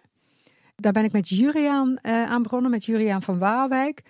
Toen hebben we gekeken van als je een verhaal in, een, in de openbare ruimte wil gaan beleven, dan heb je wel bepaalde points of interest nodig. Dus herkenningspunten, belangrijke, interessante punten die ook een rol spelen in dat verhaal. Nou, daarin maken wij een onderscheid tussen, en dat dan, komt dan weer uit de literatuur, de lieu de mémoire. Dus dat zijn de plekken van herinnering. Dan heb je het over meer monumentale dingen. Dat kan zijn een bepaalde kerk, dat kan zijn een brug, dat kan zijn een standbeeld. Of een hele specifieke boom, zoals de heksenboom die ze bij uh, Bladel hebben natuurlijk. Uh, maar dat kunnen ook lieu d'imagination zijn, dus fantasieplekken. Plekken die, en die heb je in Brabant ook genoeg met alle vennetjes en heides en bossen en dergelijke. Dus plekken waar je je kunt voorstellen dat daar iets spannends, engs of iets dergelijks is gebeurd. En dat wilden we heel graag in beeld brengen. Uh, wat we dan gedaan hebben is, we gingen die uh, met experts uit de omgeving gingen we dan een mooie route fietsen. En dat was ook met mensen van Visit Brabant. Hè. Dat moest over het knooppuntennetwerk. Want dat kennen mensen, kunnen mensen makkelijk gebruiken. En dat gaat vaak al langs hele mooie plekken. Maakten we heel erg veel foto's. Zowel van echte ja, vaststaande herkenningspunten. Hè. Dus uh, de abdij van Postel of ja, de heksenboom zelf of het het uh, standbeeldje of het, het, kleine beeldje van Zwarte Kaat wat je ergens hebt in de buurt van de VVV. En uh, die foto's die knipten we uit. En uh, we hadden dan een workshop, want we zeiden van ja, wij kunnen wel met een leuk idee komen. Dan hebben we een route en dan maken we een folder en dan leggen we hem ergens neer. Maar wat heel belangrijk is, is dat ook de mensen en met name ook de ondernemers daar eh, iets mee moeten kunnen. Dus hè, de mensen die gaan fietsen, die stoppen bij hun om streekproducten te kopen of om van de horecagelegenheid uh, gebruik te maken. Of die staan misschien bij hen op de camping. En zij moeten kunnen aanhaken op dat verhaal. Dus we hadden dan een puntsgewijs verhaal gemaakt van Zwarte Kaat. We hadden al die foto's. Die spreiden we uit op een uh, grote tafel. En vervolgens gingen dan de aanwezigen, dus dat waren ook wel mensen van een heemkundekring, mensen van de gemeente, van de lokale toeristische organisaties, maar vooral ook ondernemers, dus horeca-ondernemers. Iemand met een ijswinkel, iemand met een chocoladewinkeltje uh, met speciale chocolade en dergelijke. En dan lieten we hun eigenlijk dat verhaal wat wij puntsgewijs hadden gemaakt uitleggen over die vijf stappen. En dan werd eigenlijk vanzelf al duidelijk van ja, het moet eigenlijk hier beginnen. Dit is dan een soort climax en hier is dan de resolutie. Dus dat, dat, dat, dat deden ze min of meer zelf. En dan gingen ze aan de hand van die foto's daar de locaties aan koppelen. En dan zag je dus ook dat zij van een foto iets wisten. En dan zeiden ze, oh, maar daar en daar heb je ook nog dat en dat. En dat zou je er ook nog aan kunnen verknopen. Dus dat werd een heel co-creatief proces. En wat Visit Brabant dan vervolgens deed, is uh, die maakte, um, of liet hele mooie moodfoto's maken. Dus hele mooie sfeerfoto's die op alle uh, ja, mediadragers uh, kwamen, online en dergelijke. Er zijn hele mooie folders van gemaakt, ook hoge kwaliteit. En een uh, soort trailer, zeg maar, van wat de sfeer en de spanning van die route weergeeft. Nou, is ontzettend goed ontvangen toen. En ja, vervolgens kwam corona kan het C-woord haast niet meer horen. Nee. Dat ik het wil zeggen. Dus wij moesten eigenlijk een beetje tussen de lockdowns door die verkenningsroutes doen. Om dan weer eens, als het weer even geen lockdown was, dat we weer een live workshop konden doen en zo. Dus we hebben er verschillende ontwikkeld. Um, en steeds ook een, ja, we kregen vaak een verhaal wel aangedragen uit de regio zelf. Vaak was er dan, waren er één of twee mensen die al een soort vooronderzoek hadden gedaan. Maar dan gingen we zelf natuurlijk ook in alle literatuur op zoek naar verdere achtergronden bij het verhaal. Want nogmaals, het moet wel iets zijn. Hè? Dus mensen in die omgeving weten wel. Misschien kennen ze niet het hele maar die zwarte kaart. Ja, dat, dat blijft wel ergens. Uh, weet je, oh ja, er was iets. En je hebt die boom enzovoort. Dus uh, dan, dan heb je echt iets met placemaking. Als de mensen het zelf ook uh, dragen willen uitdragen. Want wat was dan voor jullie het, eh, het, het eindproduct, zeg maar? Dat was een, een fietsroute langs die, eh, die knooppunten van het knooppuntenroute-netwerk. Waarbij mensen dan bijvoorbeeld in een, in een folder eigenlijk het, het, het verhaal verteld kregen. Het volksverhaal, of hoe moet ik dat voor me zien? Ja, die kregen dat in, het, in de folder eigenlijk verteld. En die waren al een beetje ja, klaargemaakt voor die beleving natuurlijk via al die media-uitingen en zo die ze zouden zien. In een van de latere verhalen die we ontwikkeld hebben, ook voor de camper. Want voor de camper hebben we ook nog Kabouter Kirië gedaan. Uh, de Dansende Katten is ook voor mij een persoonlijke favoriet. Vond ik ontzettend leuk. En uh, de Gloeige, de Witte Vos, dat was rondom het smokkelen. En de Gloeige. En bij de Gloeige heeft de gemeente Eersel ook nog wat uh, verder geïnvesteerd. En die hebben ook, zeg maar, luisterpalen neergezet op een bepaald, bepaalde plek in die route. En ook heel mooi in de bossen een uh, soort heel groot beeld is het van, van een, een, spiegel gemaakt van een figuur. En als je er langs fietst, dan zie je hem eigenlijk niet. En dan denk je, huh, wat zag ik nou? Dus hij staat zo in het bos dat je ook in de spiegel van de figuur die daar uh, staat, de bomen die aan de overkant van het pad staan, ziet weer spiegelt. Dus het is een heel magisch uh, ding, zeg maar. En dat is dan die dat verschijnsel van die gloeiige. Ah ja, ja, ja. ja. Hey, en, en, welke zagen, je hebt er al een aantal genoemd, maar welke zagen en legendes hebben jullie uiteindelijk gebruikt om uh, de verschillende routes mee te maken? In de camp uh, Kabouter dat is uh, rondom Hogeloon eigenlijk. Dansende katten van Bergrijk. Dan hebben we de Witte Vos, dat is een beetje hoge mieren, lage mieren en die streek. Uh, het Duvelsklokske van Sambeek, dat is helemaal aan de oostkant van Brabant, in de buurt van, uh, van uh, Kuik. Daaronder, bij de Maashegger, zeg maar. bij de Maashegger, de Zwarte Kat is ook in de Kempen. En dan hebben we nog de Fabelroute in de Maashegger bij, in de buurt van Kuik, daar, daaronder. Want dat was een beetje lastig. Die wilden heel graag iets, maar die hadden weinig points of interest. Wel heel mooi die Maashegger, kon je mooi wandelen, kon er mooi fietsen. Dus daar hebben we, maar er, waren wel, er zijn wel hele bijzondere dieren die daar ook uh, leven, ooievaars en dergelijke. Dus toen dacht ik van, nou ja, waarom koppelen jullie dat niet aan, uh, aan fabels? Dus dat heb je nu, dat is heel leuk door een lokale schrijver zijn die herschreven en ingesproken. En uh, die kun je daar gaan beleven. De gloeier is ook in de camper. En dan denk ik dat ik er ook eentje heb die jij heel leuk vindt, Tim, met name. En dat is de bende van de Witte Veer. Ik voel me zeer aangesproken. ja.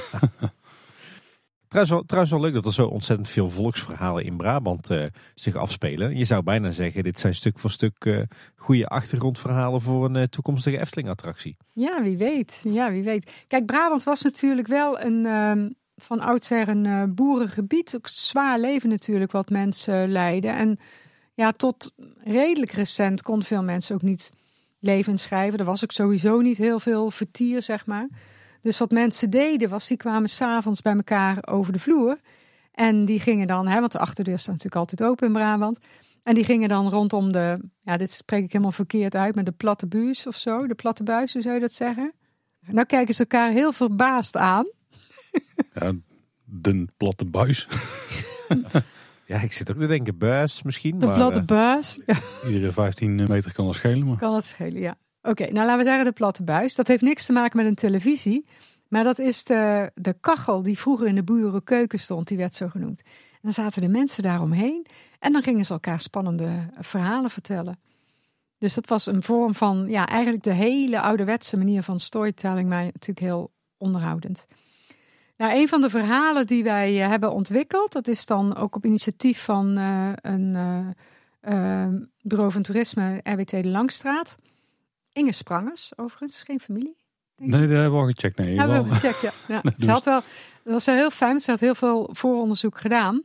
Want eigenlijk hoort de bende van de Witte Veer in dit rijtje niet thuis. Omdat het eh, historisch eh, waar gebeurd is. Heel goed, Tim. ja, dit is eigenlijk wat wij noemen een geschiedverhaal met zagetrekken. Dus en een verhaal als bijvoorbeeld het Turfschip in Breda, dat is ook zo'n soort verhaal. Het is wel echt gebeurd. Er is ook documentatie van. Maar het is een verhaal wat op de een of andere manier al heel snel tot de verbeelding sprak. En waar veel rondomheen bedacht is. En wat al heel snel werd doorverteld en zo. Is bij Turfschip ook eh, gebeurd. Ja, de bende van de Witte Veer, dat, dat verhaal, dat fascineert mij. Omdat, ja, we hebben dus gewoon, nou ja, het is niet helemaal een volksverhaal, maar we hebben gewoon een mega spannend, waar gebeurd verhaal. Wat zich gewoon echt in onze omgeving, in de omgeving Kaatsheuvel, heeft afgespeeld. Wat zich volgens mij fantastisch leent voor een Efteling attractie, een show, een boek. Maakt me niet uit. Het is, het is een geweldig verhaal. We hebben er in een eerdere aflevering van Kleine Boodschap, aflevering 260, hebben we Kees Grootswagers al even over gehoord. Maar kan jij ons nou eens meenemen in dat verhaal van de bende van de Witte Veer? Wie waren dat? Wat deden ze? Hoe zit dat nou precies? Nou, de bende van de Witte Veer, dat was eigenlijk een, eh, een bende van ja, heidens, zoals ze genoemd werden, hè, met een Y. Heidenen. Dus in ieder geval geen gelovige, nette mensen. Eh, landlopers en deserteurs, die door armoede gedreven waren tot criminaliteit. En dat ging op een gegeven moment van eh, kwaad, tot, eh, kwaad tot erger. Dus ehm, er is heel veel documentatie over die bende van de Witte Veer. Vanuit alle processtukken. Een aantal is berecht in Heusden. En het is allemaal heel goed bewaard gebleven, zeg maar. Dus je kon tot in detail lezen waar ze dan allemaal, wat ze roofden bijvoorbeeld ook. Dus ze roofden zilveren eh, zoutvaatjes. Maar ze roofden bijvoorbeeld ook katten met een C. Dat heb ik altijd zo fascinerend gevonden. Als iemand weet wat ze nou met die katten moesten waarschijnlijk opeten, dan wil ik dat heel graag van iemand eh, horen. Maar goed, het zijn verhalen waarbij alleen al de namen van de hoofdpersonen, die allerlei aliasen hadden, dus allerlei bijnamen hadden, die zijn waanzinnig. Alleen die namen al. Dus je had Zwarte Johannes, Blommerantje, eh, Lucretia de Heidinne, Alewijn Aardappel. Dat is alleen al, dan gaat je fantasie natuurlijk al van, eh, van op hol, zeg maar. En heel veel van wat je, eh, ja, wat je ziet in die verhalen, wat je, hoe je het kunt reconstrueren ook vanuit die ehm, processtukken, is dat het draait om bedrog, misdaden, maar ook onderling verraad en, en heel veel om wraak en op, eh, om straf. Nu is het zo dat als je zegt een geschiedverhaal met zagen trekken, je kunt natuurlijk wel zeggen van oké, we gaan het hele historische verhaal vertellen op die route. Maar dat is te lang, te uitgebreid, te veel karakters, te veel details. Dus dat hebben, dit heb ik samen met Niels gedaan, met Niels Witkamp deze route.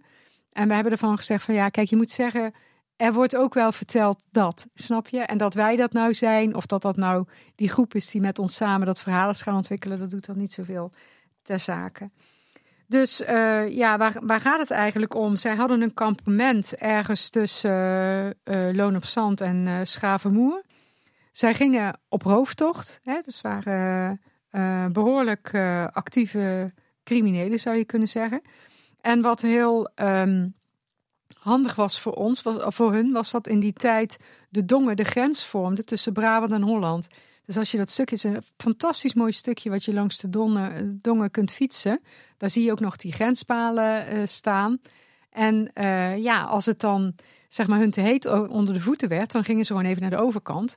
Want de jurisdictie reikte niet zo ver. Dus aan de overkant was, waren ze in feite in een ander gebied. En dan konden ze weer doen waar ze zin in hadden. Er waren ook veel helers hier in dit gebied, dus die met hun handelden. Dus die de gestolen goederen uh, kochten. Dat was natuurlijk ook heel erg, uh, uh, werd, werd heel zwaar bestraft. En de, het bendehoofd, of een van de bendehoofden, was Zwarte Johannes. En dat is als naam alleen al spreekt hij tot de verbeelding. Het schijnt nogal een woeste verschijning te zijn geweest. En wat wij ervan hebben gemaakt, en wat je ook wel eens tegenkwam in die stukken, is dat hij heel veel met vermommingen werkte. En dat uh, veel mensen dus ook niet wisten hoe hij er nou echt uitzag. Hij had een vrouw die heette Focletsi. En hij had een bijzit, zoals dat heette, een minnares. Die heette Blommerantje. Een bijzit? Ja, zo werd dat genoemd, ja. Die gaan we onthouden. En wij hebben er dan van gemaakt dat uh, Blommerantje, die uh, baalde er een beetje van. Dan was hij weer op rooftocht en dan zat hij weer bij zijn vrouw enzovoort. Dus die had op een gegeven moment een zandstenen kop gemaakt van Zwarte Johannes. En weet jij waar die zandstenen kop is? Ja, die hangt volgens mij ergens aan een boerderij bij Schavenmoer in de buurt. Dat klopt. Ja, die hangt daar aan de gevel van de boerderij. We hebben niet kunnen achterhalen waar die precies vandaan komt. Dus we dachten, nou in ons verhaal heeft uh, die gemaakt. En die heeft ze bij zich, zo'n rok met een uh, grote zakken en dergelijke. Het gaat op een gegeven moment van kwaad tot erger. Er is een ambitieuze schout, die heet Otto Juin. En die begint een klopjacht op de bende. En die bendeleden die vluchten dan en zo ook Zwarte Johannes. Maar de vrouwen en die kinderen die blijven achter in dat kampement. En op een gegeven moment wordt dat kampement opgerold en die worden uh, opgepakt. En uh, zo ook Blommerantje die wordt opgesloten. Nou, die bende wordt voor en na opgerold, maar Zwarte Johannes is heel sluw en heel handig. En die weet iedere keer uh, de dans te ontspringen door naar de grens met Holland over te steken. Steeds in een andere vermomming. Op een bepaald moment steelt Zwarte Johannes een varken. Dat was eigenlijk een schaap, maar omdat er iemand bij zat in de workshop die een uh, zeg maar biologisch varkensvlees deed, hadden we daar een varken van gemaakt. Hij laat dat op een boot om in de nacht de dongen verderop over te gaan uh, steken. Maar dat varken begint te gillen. En die Otto Juin hoeft alleen maar met zijn mannen dat geluid te volgen. Om uiteindelijk, als hij aan, kant komt, aan de kant komt, hem te arresteren. En hij vermoedt dat hij te maken heeft met een bendelid. Maar hij kan het niet bewijzen. Otto Juin die sluit Zwarte Johannes op. En hij vindt in de knapzak van deze man vindt hij een breekijzer en een pistool. En uh, Otto Juin zegt van ja, dat heb ik gewoon van uh, de smid Adriaan Koenen uit uh, Dongen gekocht. Dus Juin gaat dan naar het huis van Adriaan Koenen. Die bevestigt dat hij dat allemaal verkocht heeft. Dit is overigens allemaal historisch, hè? dat staat in die stukken. Familie Koenen is ook nog een bekende naam hier in Kaatsheuvel omstreken. Je zit er nog steeds in metaal. Hmm, echt waar. Nou, niet in dit metaal, want uiteindelijk wordt al dat geheelde spul dat wordt uh, opgerold en dat wordt in de kerk in Dongen opgeslagen. En dan heb je in Dongen toevallig die hele mooie ruïnekerk. Dus uh, daar zijn ook verschillende beelden gemaakt, zeg maar. Uh, intussen wordt Zwarte Johannes opgesloten in het kasteel van Loon op Zand. Hij vertelt leugens en brokken waarheid. Dat staat ook echt zo in de stukken. Dat vind ik ook wel heel grappig. Maar goed, uh, Otto Juin heeft nog steeds geen bewijs. Maar Blommerantje wordt dan overgeplaatst en ook opgesloten in dat kasteel. En die hoort op een gegeven moment de stem van Zwarte Johannes. En die biedt Juin dan de zandstenen kop aan als bewijs dat het om Zwarte Johannes gaat. Dus zij zegt, als die man die jij daar hebt lijkt op deze kop, dan kan ik jou vertellen dat het Zwarte Johannes. Maar ik wil nu wel vrijgelaten worden. En zo wordt het dan geregeld. Zwarte Johannes die bekent uiteindelijk 60 misdaden. Die wordt uiteindelijk opgehangen en naar het Galge eind gebracht. En dat is ook een van de locaties op de fietsroute. Ja, daadwerkelijk een, een plek inderdaad bij, de Moer ten zuiden van de Efteling. En wij hebben er dan van gemaakt dat Juin uiteindelijk de kop van Zwarte Johannes naar de boer brengt. Die oorspronkelijk, zeg maar, waar het varken van gestolen was. En dat is daar opgehangen aan Hoeve Ravensbos. Want daar fiets je dan inderdaad langs. Monique, dit verhaal, dit schreeuwt toch gewoon om een groot themagebied in de Efteling?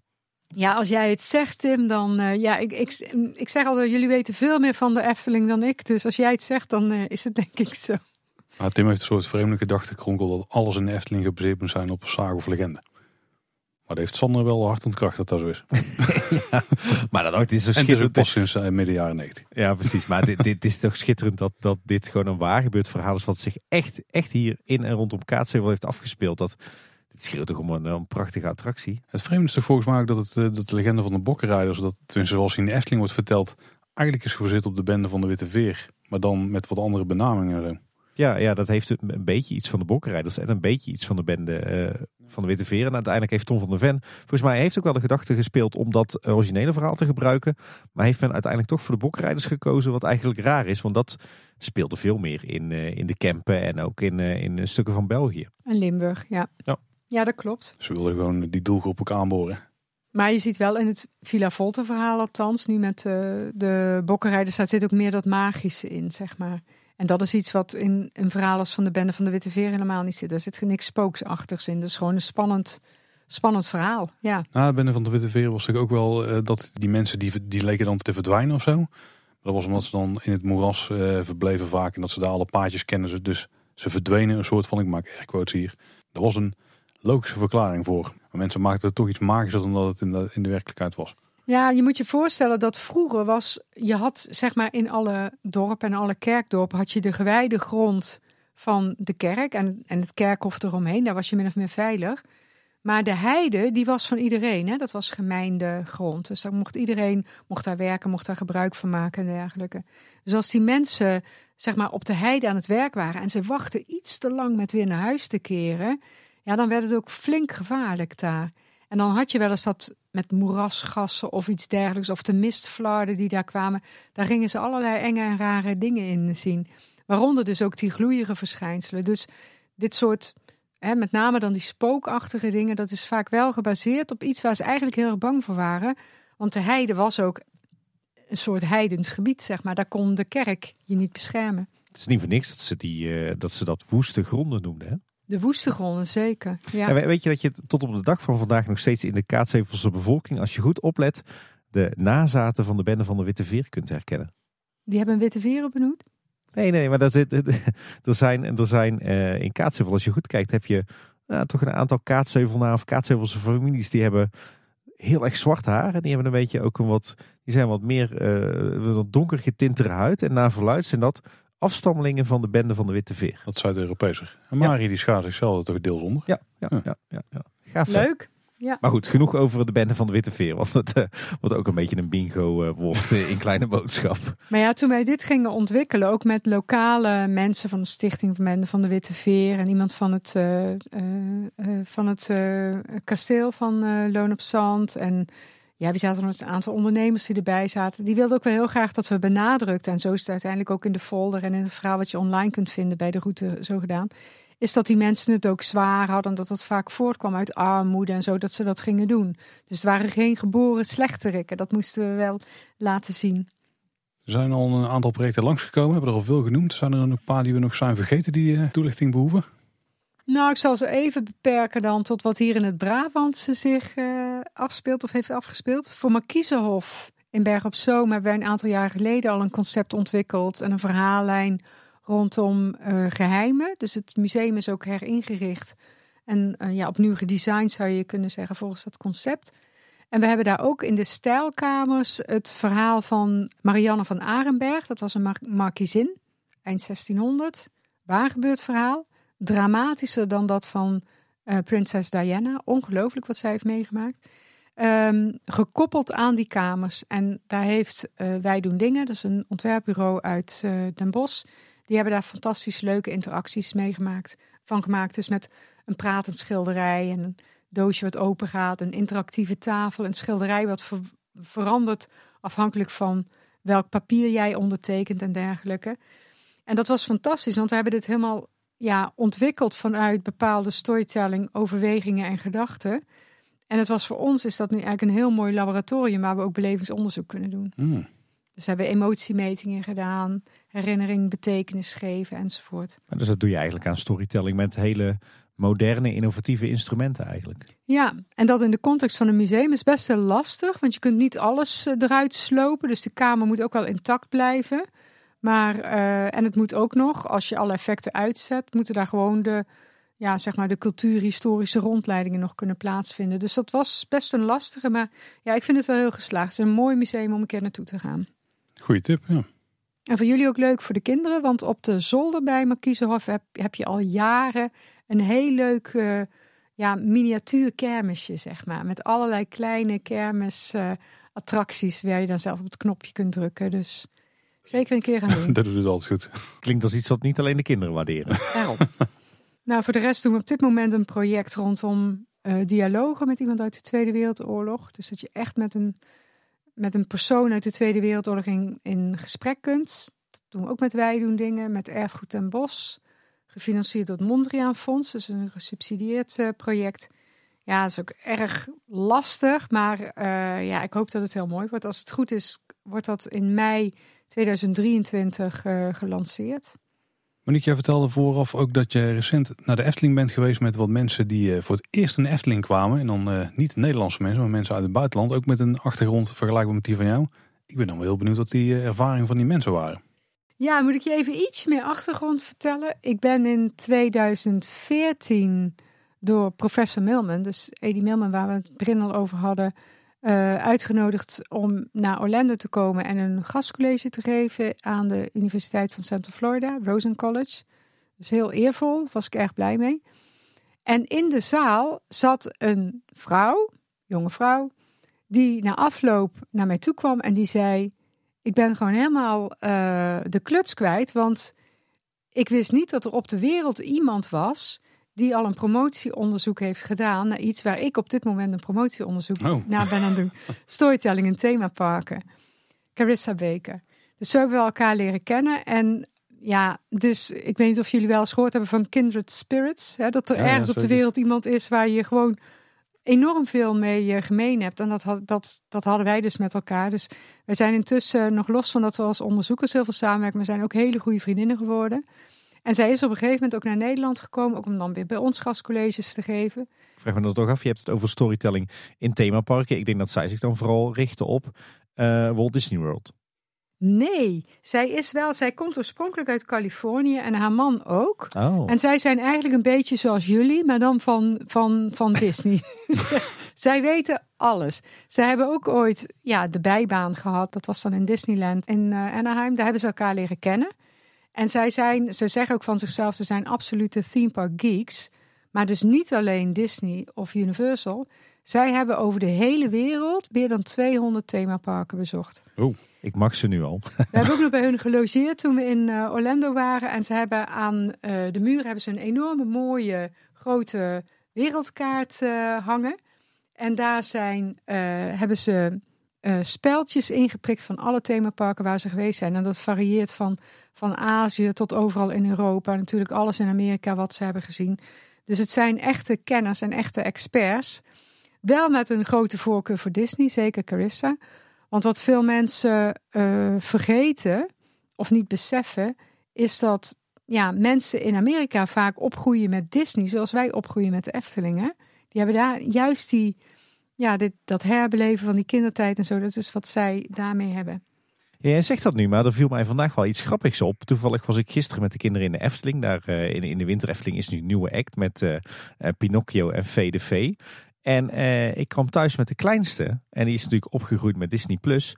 En die wilde per se de nieuwe live-action film van Pinocchio kijken. Van Disney. Dus terwijl dat zij in Brabant opgroeit met de Efteling, is ze ook gewend aan Disney Plus. En blijkbaar zit er dan toch heel automatisch die connectie van: oh, als ik in de Efteling een act zie van, met Pinocchio, dan wil ik daarna de film van Disney zien. Dus... Ja, precies. Maar dat, ik heb het de vorige keer ook al gezegd. Ik vind het gewoon eigenlijk heel mooi dat zowel Disney als de Efteling zich zo intensief met sprookjes bezighouden. Want zij houden dat cultuurgoed levend. En zij vullen ook elkaars referentiekader. Dus dat, dat is eigenlijk alleen maar mooi. Weet, weet ik nog vooral van staat te kijken. Ze hebben een kaart met 200 puntjes van themaparken die ze hebben bezocht. Maar de Efteling zat er nog niet tussen. Jawel, die, zat, Oh, die oh, zit er gelukkig, inmiddels wel gelukkig. tussen. Want ze zijn nu al een aantal keren geweest. Maar een aantal jaar geleden kwamen zij, eh, kwam zij met Josh eh, voor het eerst naar, eh, naar Nederland. En toen heb ik ze meegenomen naar de Efteling. Daar waren ze nog nooit geweest. Ja, en dat is fantastisch als je denkt van die mensen hebben als... Wat die als referentie hebben aan de, de grootsheid en duur en uitgebreid en ingewikkeld. Wat je in Amerika allemaal kunt beleven. Zeker in, eh, in Orlando. Dat ze zo betoverd kunnen raken door die Efteling. En dat is dat stukje authenticiteit wat ze voelen. De onderdompeling in de natuur. Hè. Het sprookjesbos is echt een sprookjesbos. Zij zeggen dan ook van jeetje, die klinkertjes, dat zou echt niet mogen in Amerika. Want je wordt onmiddellijk gezoet als iemand een keertje uitglijdt. Dus dat, eh, ja, dat toch eigenlijk dat, dat je veel meer kunt dwalen, zeg maar. En, en dat het gewoon een heel uitgestrekt eh, eh, park is. Dat vonden ze er ontzettend mooi aan. Nu waren ze er in, juli weer. En eh, ze wil, ik zei, nou ja, jullie kennen het nu allemaal een beetje. Waar wil je nu graag in? Wat is nou jouw favoriet? En toen zei Josh, die zei, ja, ik wil heel graag weer naar Dream Flight. Ik wil heel graag naar Droomvlucht. Dus wij gingen die attractie weer in. En toen zei ik, ja, maar wat is het nou wat jou nu zo raakt? Want ik kan me voorstellen, ja, ik ben dat ook weer mee opgegroeid, weet je wel. En dan met mijn familie en dergelijke. Maar waarom raakt dit jou nu zo ontzettend zo? Het is ook best een oude attractie. En ehm, ja, toen zei hij van, ja, het is niet te meten wat, voor, wat, wat het nou precies bij mij raakt. Ik kan, ik kan het niet vastpakken. Dus dat vond hij al heel eh, ehm, ja, opvallend. Hij zei het heeft ergens te maken met een gevoel van nostalgie. Vond ik ook apart, want ik denk ja, jij bent hier niet opgegroeid. Jij bent hier pas voor de tweede of de derde keer als volwassene. Nou, dat de scènes zo ontzettend mooi met die muziek eh, matchen, zeg maar, dat vond hij heel erg mooi. Hij vond die, dat kinetisch, dus die kleine bewegingen, die details, dat hele zachte bewegen wat je ziet, dat vond hij heel fascinerend. Nou ja, en die eh, planeten, de de Planet Room noemt hij dan. Dus eh, de planeten, dat, dat is ook gewoon, vond hij super eh, onderdompelend en eh, mooi. En hij zei, ja, in, in Amerika doet eigenlijk alleen maar Disney dit. Of dat benadert het, zeg maar, wat ik hier voor gevoel krijg.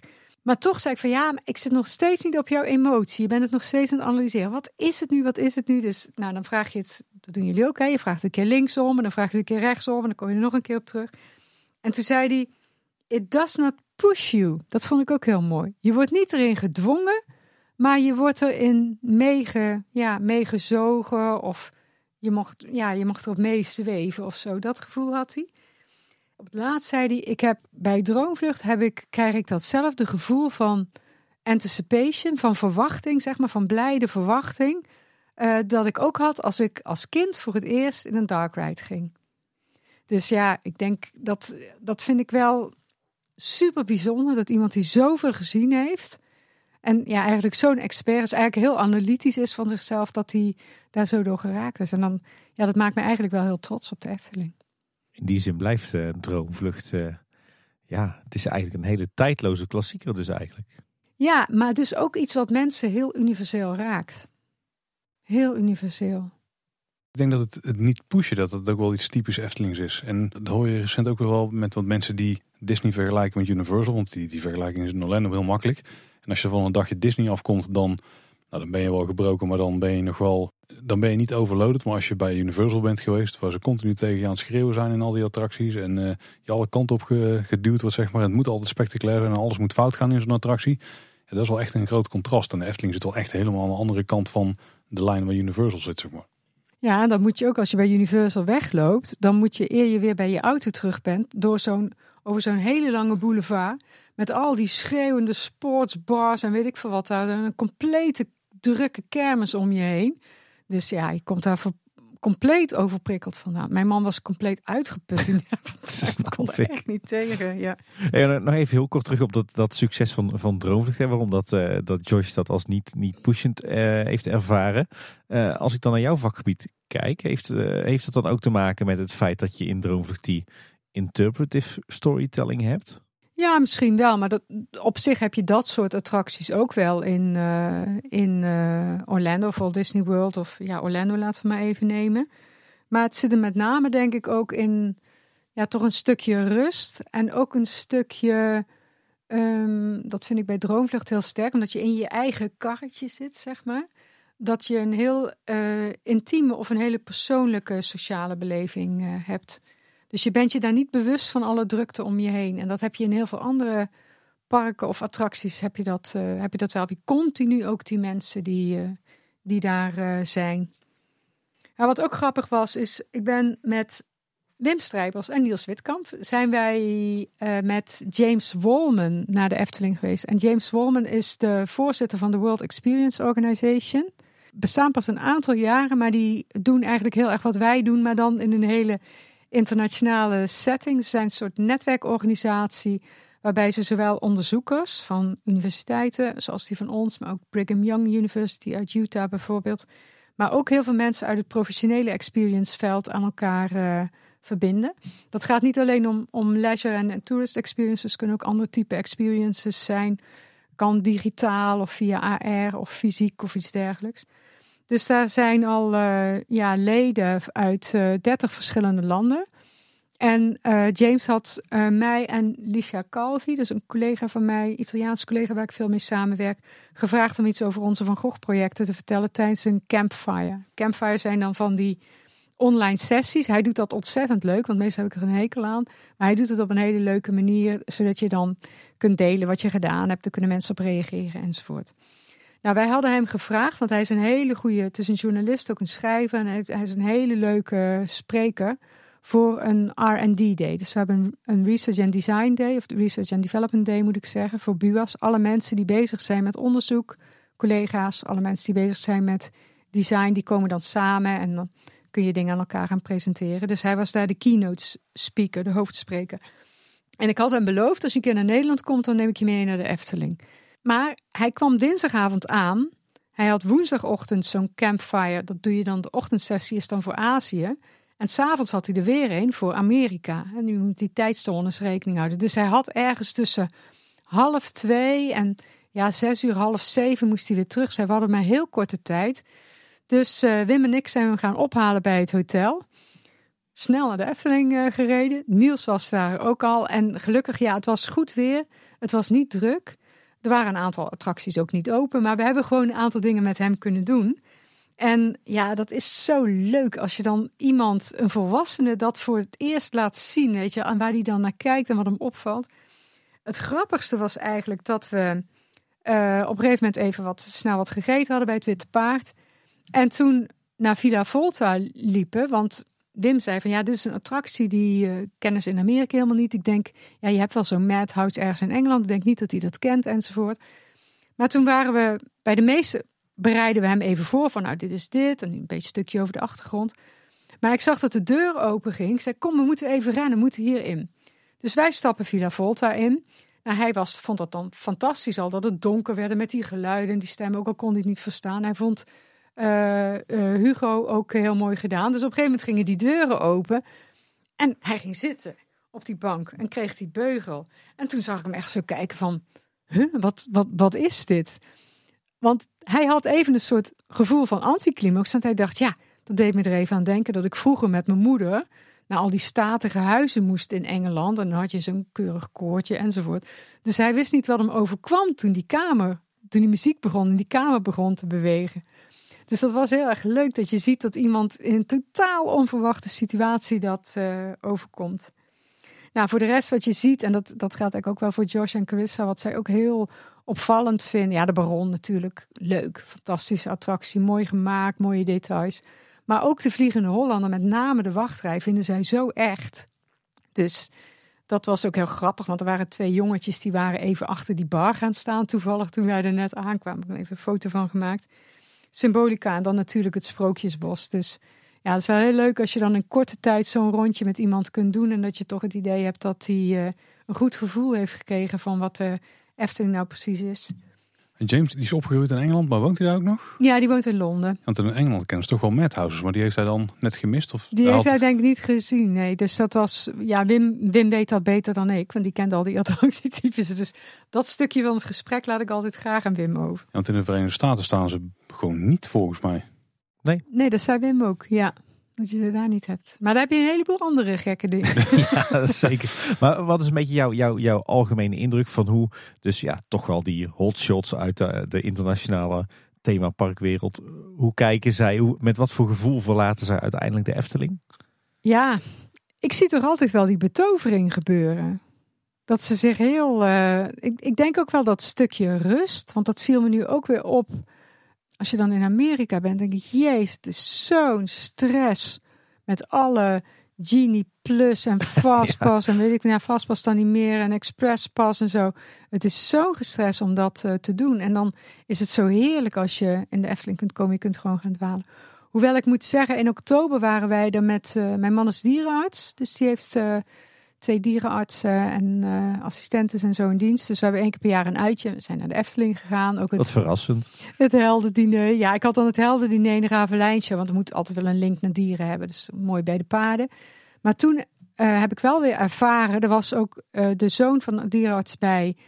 Die is veertien dat je die stress had van we moeten deze attractie hebben gedaan, we moeten die attractie hebben gedaan. En je krijgt het gewoon niet voor elkaar als het druk is op een zondag.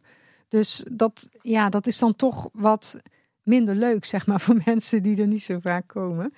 Dus, uh, maar ja, dat is in Amerika nog tien keer erger. Nou, er staat inderdaad tegenover dat je niet uh, bij de Buwels de Minor je vakantie naar Orlando gevolgd hoeft te hebben. Nee. Als die er niet is, wel een gat in de markt. Inderdaad. Nou, daar hadden wij Josh en Chris voor, want anders had ik heel veel dingen niet kunnen doen. Nee, dat snap ik. Maar zeg Monique, je, je komt hier uh, eigenlijk uh, ja, zo'n beetje net uit het vliegtuig gerold met uh, een jetlag die zich nog niet helemaal heeft ontvouwd. jij bent zelf dus ook zeer recent in Orlando geweest. Ik was er al een aantal jaren niet geweest. En die coronajaren zaten daar natuurlijk nog tussen. Maar ehm, dit jaar weer heel graag willen gaan. In de eerste plaats voor IAPA.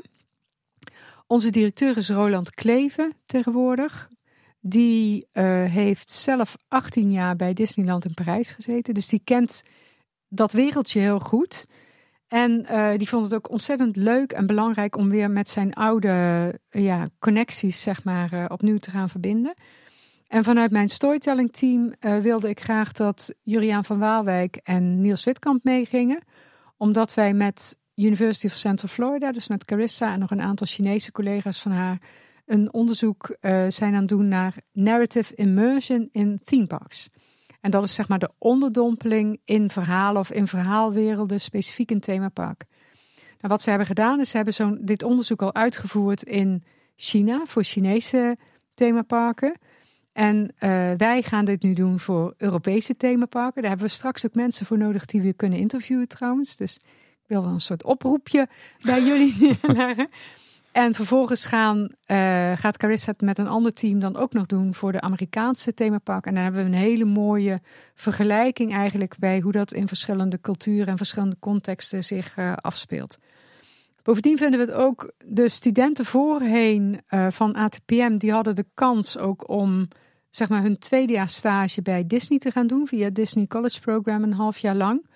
Maar door corona is dat stil komen te liggen en ze hebben dat nog steeds niet opnieuw opgestart. Dus begin 2024 zal de eerste lichting weer kunnen gaan. Dus we hebben nu een aantal jaren van studenten die daar helaas niet naartoe kunnen. En het is toch wel belangrijk als referentie om dat een keer gezien te hebben. Er waren overigens wel een aantal studenten van, uh, van BUAS in Orlando, ook bij IAPA, want die krijgen dan een korting om naar naar de beurs en naar de activiteiten te gaan. Maar die moeten dat dan voor eigen kosten doen. Dus dat is eigenlijk best wel een beetje. Wij zijn bij Carissa en Josh. Mijn man was ook mee, maar die deden dat meer als uh, vakantie, zeg maar. En onze zoon Lucas, die die game studio heeft, die is animator. Want die vindt dat vanuit zijn vak, nog los dat hij het allemaal heel leuk vindt, maar vindt het ook vanuit zijn vak heel interessant en leuk om uh, te zien wat daar gebeurt. En Carissa en Josh, die zijn helemaal experts in het zijn natuurlijk annual pass holders, hè, dus uh, abonnementhouders van, van Disney, van Universal overigens niet meer.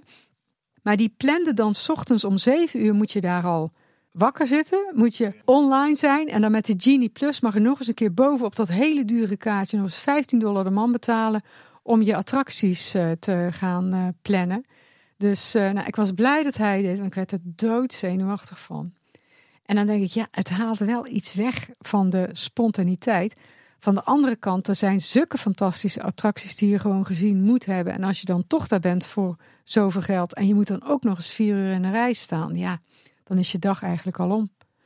Onze vlucht werd geannuleerd. Dat was heel vervelend. Dus ik met heel veel pijn en moeite de dag daarna een vlucht kunnen boeken. Maar dan wel via Detroit. Dus het was een lange, lange, ingewikkelde reis. We waren ook pas midden in de nacht. Maar toch de volgende dag met hun naar Animal Kingdom gegaan. Dat is ook mijn favoriete park uh, buiten de Efteling, zou je kunnen zeggen. Prachtig park, zo mooi, groen en ja, daar groeit natuurlijk ook alles. Hè. Het is er altijd zo warm en het is er heel vochtig. Dus uh, het is heel mooi aangelegd. Het is ook heel educatief, het is heel uitgestrekt. En ik wist dat daar dat nieuwe Pandora-land was van de film Avatar. Ik weet niet of jullie hem gezien hebben. Ja, de film en het gebied ook uitgebreid. Ja, niet in het echt, maar wel uh, op video's en verslagen. Precies. Ja, precies. Ja. Nou, ik had er hoge verwachtingen van, maar ik moet zeggen dat mijn verwachtingen echt heel erg overtroffen zijn. Dus ik heb zowel in Flight of Passage als in uh, Navi River Journey, ik heb gewoon, ik had de tranen in mijn ogen staan. Zo ontzettend mooi als ik het uh, vond. Maar eigenlijk ook het, het, ja, het rondlopen door dat gebied overdag, waarbij ze dan die hele mooie hoge constructies hebben gemaakt met die bollen en die zwevende eilanden zou je kunnen zeggen en die lianen en dergelijke. Maar zeker ook s'avonds als dan alles oplicht, zeg maar. Hè? Ook vaak met hele simpele, met een, met een uh, blacklight en, en gekleurde verfstippen en zo. Dus simpele dingen, maar ook prachtige, ja, uh, oplichtende bloemen en dergelijke. Ja, het enorm aansprekend. Het raakte mij emotioneel heel erg sterk. En daar heb ik ook over zitten denken. Ik denk van ja, wij weten nu uit onderzoek dat er um, en dan ben ik heus niet alleen die dat weet, maar dat er soms elementen zijn uit verhalen die mensen universeel en tijdloos kunnen raken. Daar hebben we met sprookjes ook over gehad. Sprookjes gaan in die diepere laag gaan ze over jaloezie, ijdelheid, hebzucht. Daar zitten een soort levenslessen in die altijd relevant vinden en die mensen eh, blijven en die mensen altijd uh, ja, mooi en aansprekend zullen blijven vinden. Of bij Vincent van Gogh bijvoorbeeld je, je hoort er niet bij als kind in de familie of in je omgeving. Uh, je moet je weg vinden in de wereld. Je hebt generatieconflicten hè, met je ouders. Je hebt een liefde die mislukt. Dat zijn ook dingen die overal ter wereld van alle tijden zijn, zeg maar. En toen dacht ik, wat is het nou met dat Pandora? En ik denk van, dat is eigenlijk hetzelfde waarom de Efteling mij, denk ik, ook zo raakt, nog los van de sprookjes. En dat is die natuur. Dus op een, op een diep menselijk niveau ben ik ervan overtuigd dat natuur en in de natuur zijn dat dat ons raakt, emotioneel. En daar heb je niet de tussenstap van je verstand voor nodig. Dus bij een sprookje moet je even denken. En zeker bij Star Wars moet je heel veel denken van hoe zit het ook alweer. Of bij Harry Potter of iets dergelijks. Maar dat, komt, dat gaat rechtstreeks je hart in, zou je kunnen, zou je kunnen zeggen. Of je emotie in. Ja, volgens dus- mij zegt Joe Rogan het ook altijd als hij het heeft over Animal Kingdom. Want een van de waarden daar was uh, the intrinsic value of nature. Nou, de herhaalt hij wel 25 keer volgens mij in alle verhalen die hij erover geeft. Maar daar is het dan precies. Ja. ja. precies. Dus die onderdompeling, dat je ondergedompeld bent in die natuur, dan, dan voel je je goed. En of dat nou hier is als je over de heide wandelt of in de bossen wandelt of iets dergelijks. Er zullen niet veel mensen zeggen, zeggen van nou, ik heb een hekel aan de natuur. Tenzij je een puber bent van 13 die mee moet op een, of een boswandeling of iets dergelijks. Of de oud-president van Brazilië. Maar okay. ja, ja, Misschien niet de podcast om het daarover te hebben. Ik heb mijn broertje dat ooit een keer zo letterlijk horen zeggen. Ik haat natuur. ja, bedoel niet natuurkunde op school. nee, gewoon natuur. Maar goed, laten we ervan uitgaan, de meeste mensen. En bij Pandora zie je sowieso hoe het gemaakt is, vind ik het al haast kunst. Dat het zo fantastisch mooi uh, gemaakt is. En het is dan ook nog een soort hypernatuur. Dus de allermooiste dingen van de natuur, die worden nog een stukje uitvergroot. Uh, water, bomen, lianen, hè, schimmels of paddenstoelen, zeg maar, die, die oplichten. Uh, bloemen op zijn allermooist. Ja, dan denk ik dat is een, een uh, gevoel wat, ja, waar je gewoon eigenlijk niet aan kunt ontsnappen, wat je, wat je meteen pakt. Zit er ook nog een parallel met Droomvlucht? Want uh, daar zitten ook die bloemen in en die bomen en, en die, die natuurpracht en die verwondering. Ja, dat dacht ik wel. En ik dacht van eigenlijk ook als je naar het Sprookjesbos kijkt of naar Droomvlucht inderdaad. Ik weet dat een van de informanten uit mijn onderzoek die zei ja, uh, Droomvlucht is eigenlijk een soort indoor Sprookjesbos. En toen dacht ik ja, daar zit eigenlijk wel wat in, zeg maar. Je hebt daar de mooie elementen van de natuur waar, mensen, waar heel veel mensen van houden dat, uh, dat zit daarin. Maar goed, dat hele gebied met die attracties erbij. Ik zei, wat heeft dit nu gekost? Ja, zei Josh, volgens mij 1 miljard. En toen dacht ik, 1 miljard. Dan moet ik altijd even zeggen, dat is duizend miljoen, weet je wel? 1 miljard, dat zijn bedragen. Ja, daar kunnen wij gewoon... Die, ja, alleen al in Navi River Journey, die shamaan die daar zit. Dus dat, dat schijnt dan, dat hoorde ik van mijn zoon, de meest geavanceerde animatronic te zijn van dit moment. Die heeft al 23 miljoen gekost.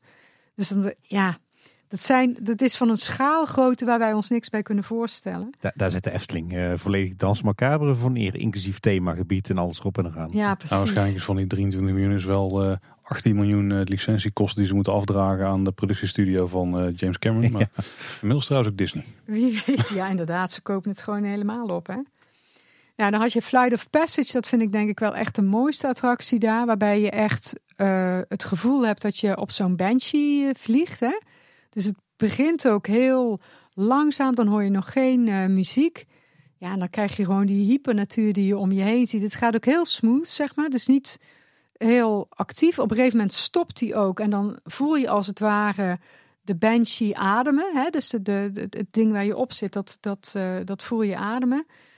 Ja, het is fantastisch. Maar eigenlijk wat ik nog het mooiste moment vond, was dat ik toen op een gegeven moment keek ik rechts naast me daar zat mijn zoon. En ik keek links naast me, daar zat mijn man.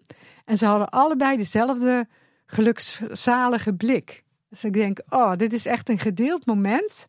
Wat je dus ook, vind ik, in veel attracties bij de Efteling hebt. Dat je allemaal op dat moment hetzelfde voelt. En dat geeft zo'n sterke sociale verbondenheid ook.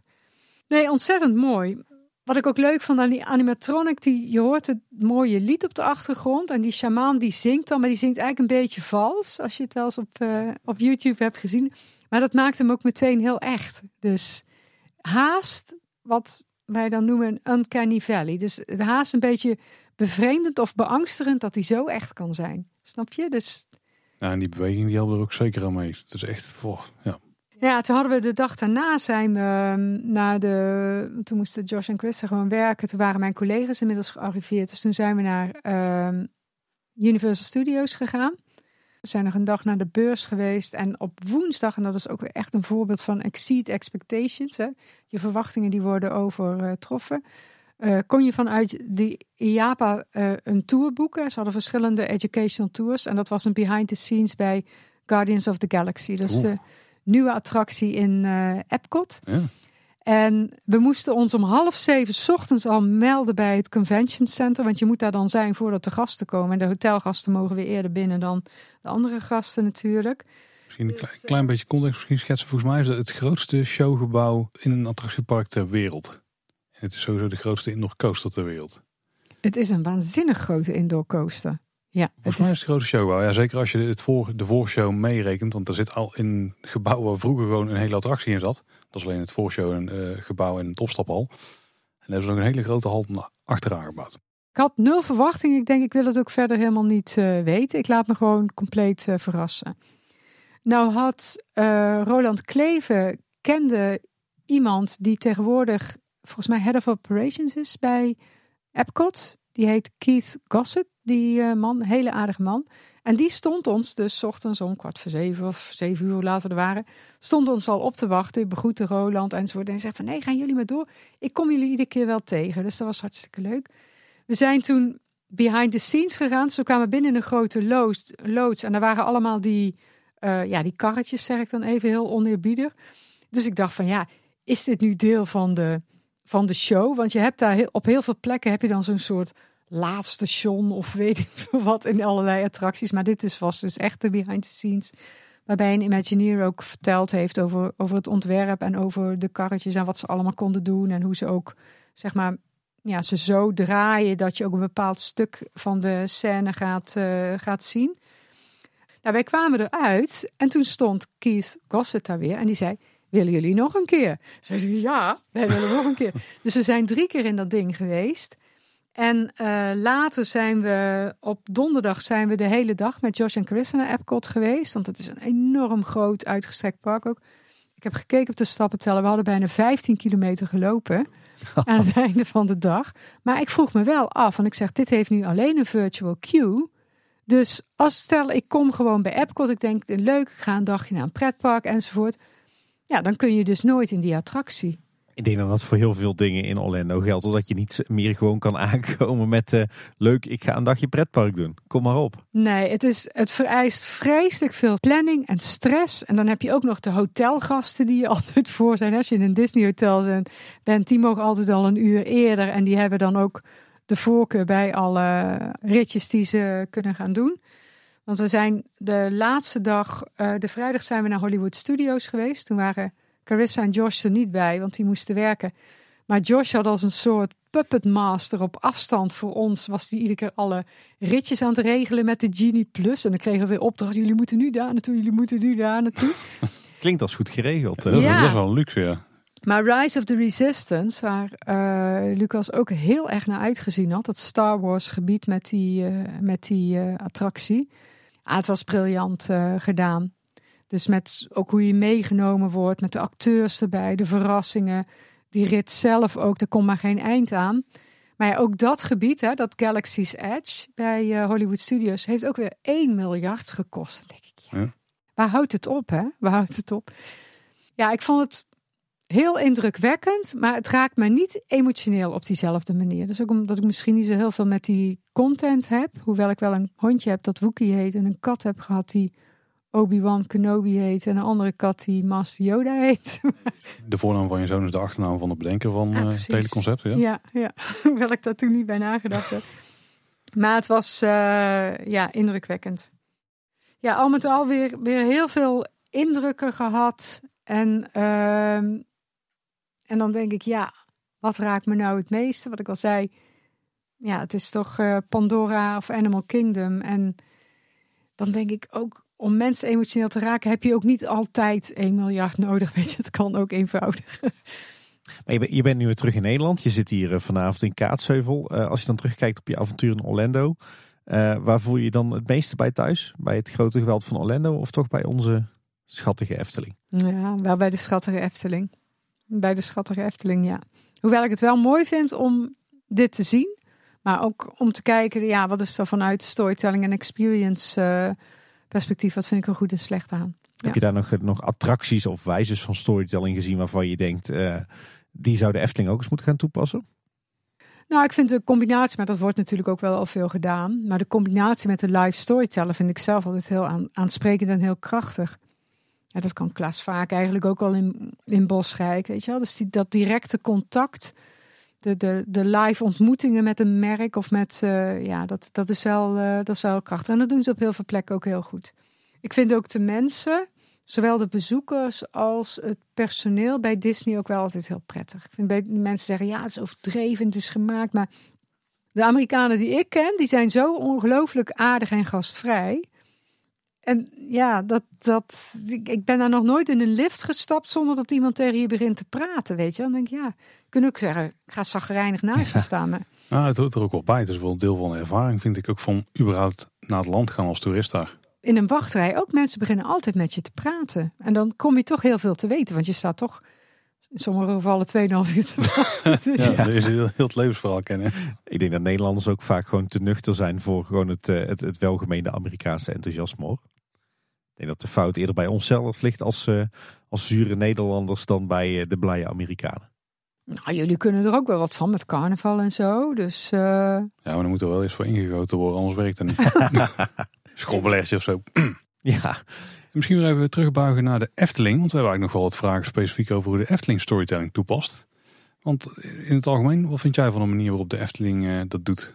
Ja, ik denk dat ik dat al genoeg heb laten blijken. En dat vind ik niet alleen, dat vinden jullie ook. Maar dat vinden dus ook experts van uh, buitenaf. Ik vind het gewoon hartstikke mooi. Het is gewoon, het is een voorbeeldfunctie voor hoe het moet. Het is een hele hoge standaard hier in Nederland of in Europa die de Efteling neergezet heeft en ook nog steeds neerzet. En wat ik mooi vind is, ja, je hebt geen miljard nodig om mensen emotioneel te raken. Dat kan ook heel eenvoudig of met iets kleins of met iets simpels. En ja, dat vind ik ook zo mooi bij de Efteling, dat, dat ze die combinatie altijd vasthouden. Soms de grote gebaren en soms gewoon de hele kleine, leuke, intieme details. Zijn er ook nog zaken die, die de Efteling beter zou kunnen doen op het gebied van storytelling? Ja, ik vind dat niet aan mij om dat uh, te zeggen. Want er zit natuurlijk de stop of de bill uh, wat, daar, uh, wat daar werkt. En ik weet hoe, ook vanuit mijn onderzoek, hoe ontzettend zorgvuldig en ook moeilijk soms die processen zijn om tot zoiets te komen.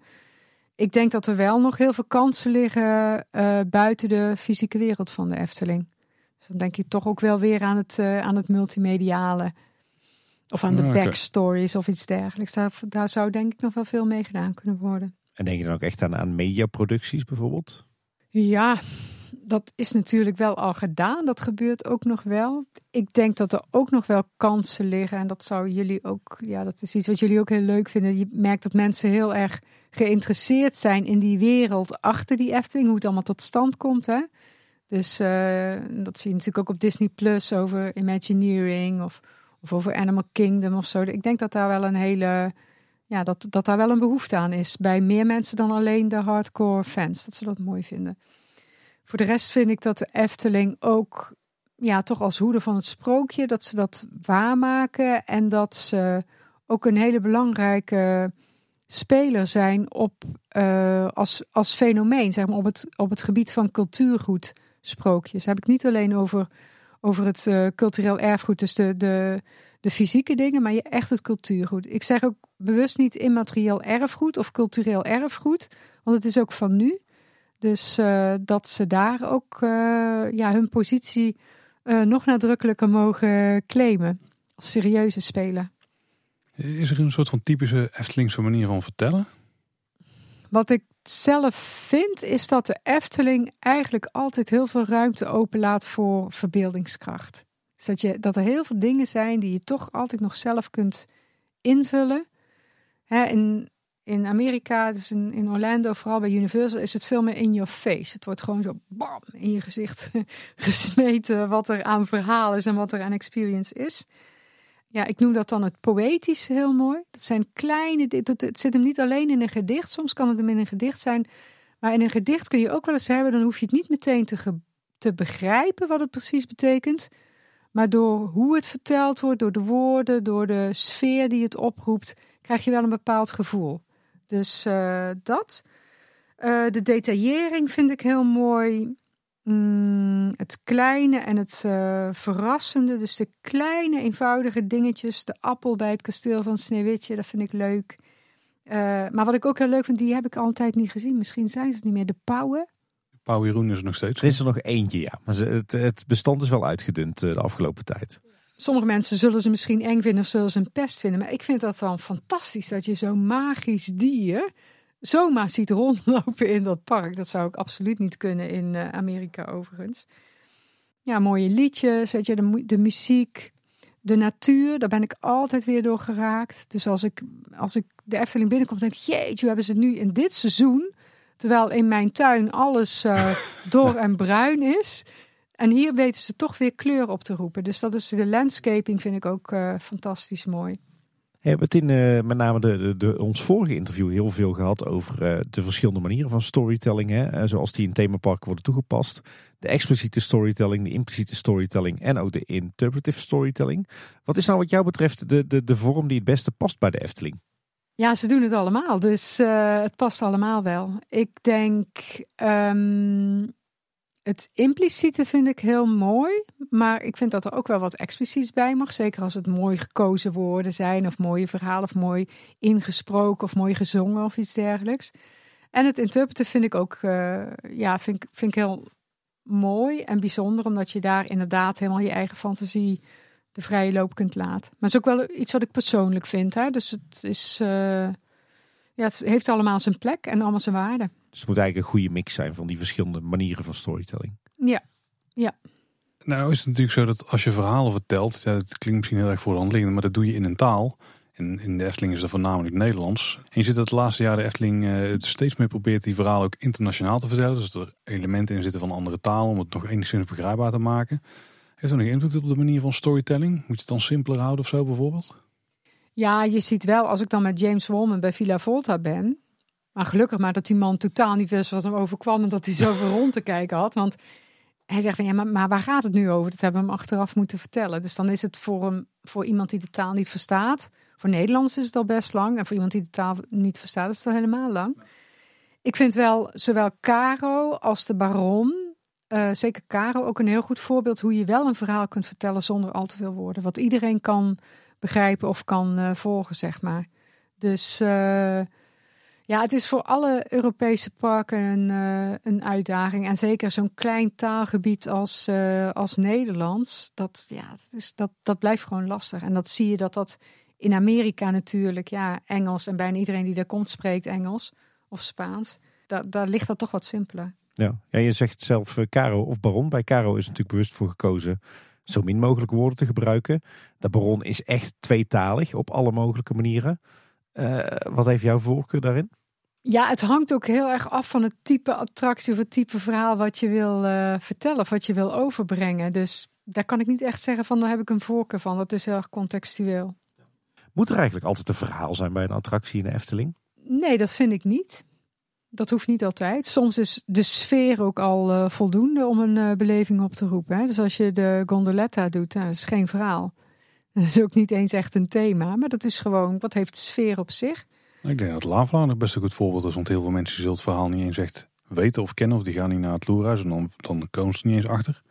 Maar dan het feit dat ja, gewoon daar rondlopen, dat brengt je toch wel een bepaalde sfeer. Ja, ja dat brengt je in een sfeer, maar je kunt daar wel ook wel dingen herkennen uit een leventje of uit een gemeenschap, zeg maar, met een schooltje en een brouwhuis en baby's. Dus uh, dat, dat zit daar wel in. Maar als je kijkt naar, maar soms, soms is ook gewoon een thrill ride uh, voldoende. Hè? Dus ik heb in Universal, ik heb hem niet gedaan, want ik dacht van, nou, ik ben er wel klaar mee. Ik vraag altijd van, is deze attractie erger dan de Hulk? Want de Hulk is de ergste attractie die ik ooit gedaan heb. Dus zat ik alleen maar te schreeuwen van, ik wil eruit, ik wil eruit. Maar de uh, Velocicoaster, die, ja, dat is gewoon een fantastische thrill. En daar probeer ze wel een beetje een verhaal bij te maken, maar is eigenlijk niet echt nodig. Gaat het puur daarom. Wat ik wel vind, is, dat vond ik ook leuk. Ik heb laatst een aflevering met, uh, van jullie geluisterd over thematisering. En dan valt me altijd weer op dat zonder dat mensen bij de Efteling hele theorieën lezen of kennen of weet ik veel wat, of veel mensen, uh, wel precies voelen wat het is. Dus thematisering kun je zien, als je naar de ene definitie kijkt, kun je zien als een soort saus die over iets heen gegooid wordt, wat in wezen daar niet veel mee te maken heeft. Dus piranha in de oorspronkelijke vorm vind ik echt een voorbeeld van uh, thematisering. Maar als je kijkt naar een definitie van Disney over thematisering, dan is dat the fundamental nature of a story in terms of what it means to us or the choice of time, place and decor applied to an area in order to support that story. Ik zal hem even uitleggen.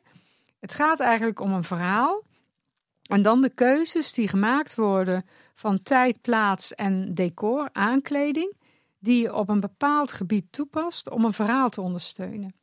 Dus kijk je naar het kasteel van Don Roosje, dat is niet een middeleeuws gethematiseerd kasteel. Nee, dat is heel duidelijk een setting in dat verhaal. Die heeft een heel duidelijke rol in dat verhaal. Dat kasteel raakt overgroeid met uh, doornstruiken, die prinsen moeten daar doorheen enzovoort.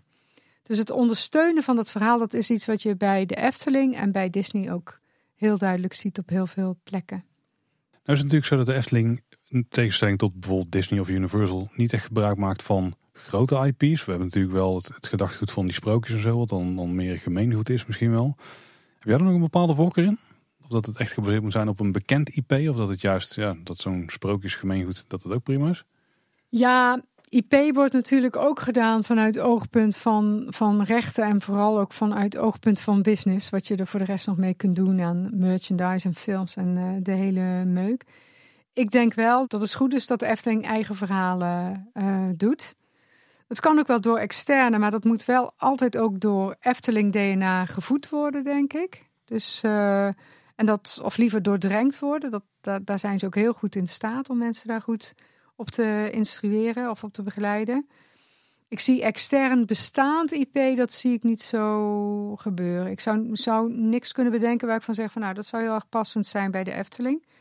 Wat ik wel leuk vind, en dan, ja, dan ga ik Tim heel blij maken, is dat ik ja, lokale en regionale verhalen, die zou je wel leuk kunnen gaan gebruiken. En zeker als daar herkenbare elementen in zitten, die dus zeg maar ja, universeel, of in ieder geval Europees eh, eh, bekend zijn.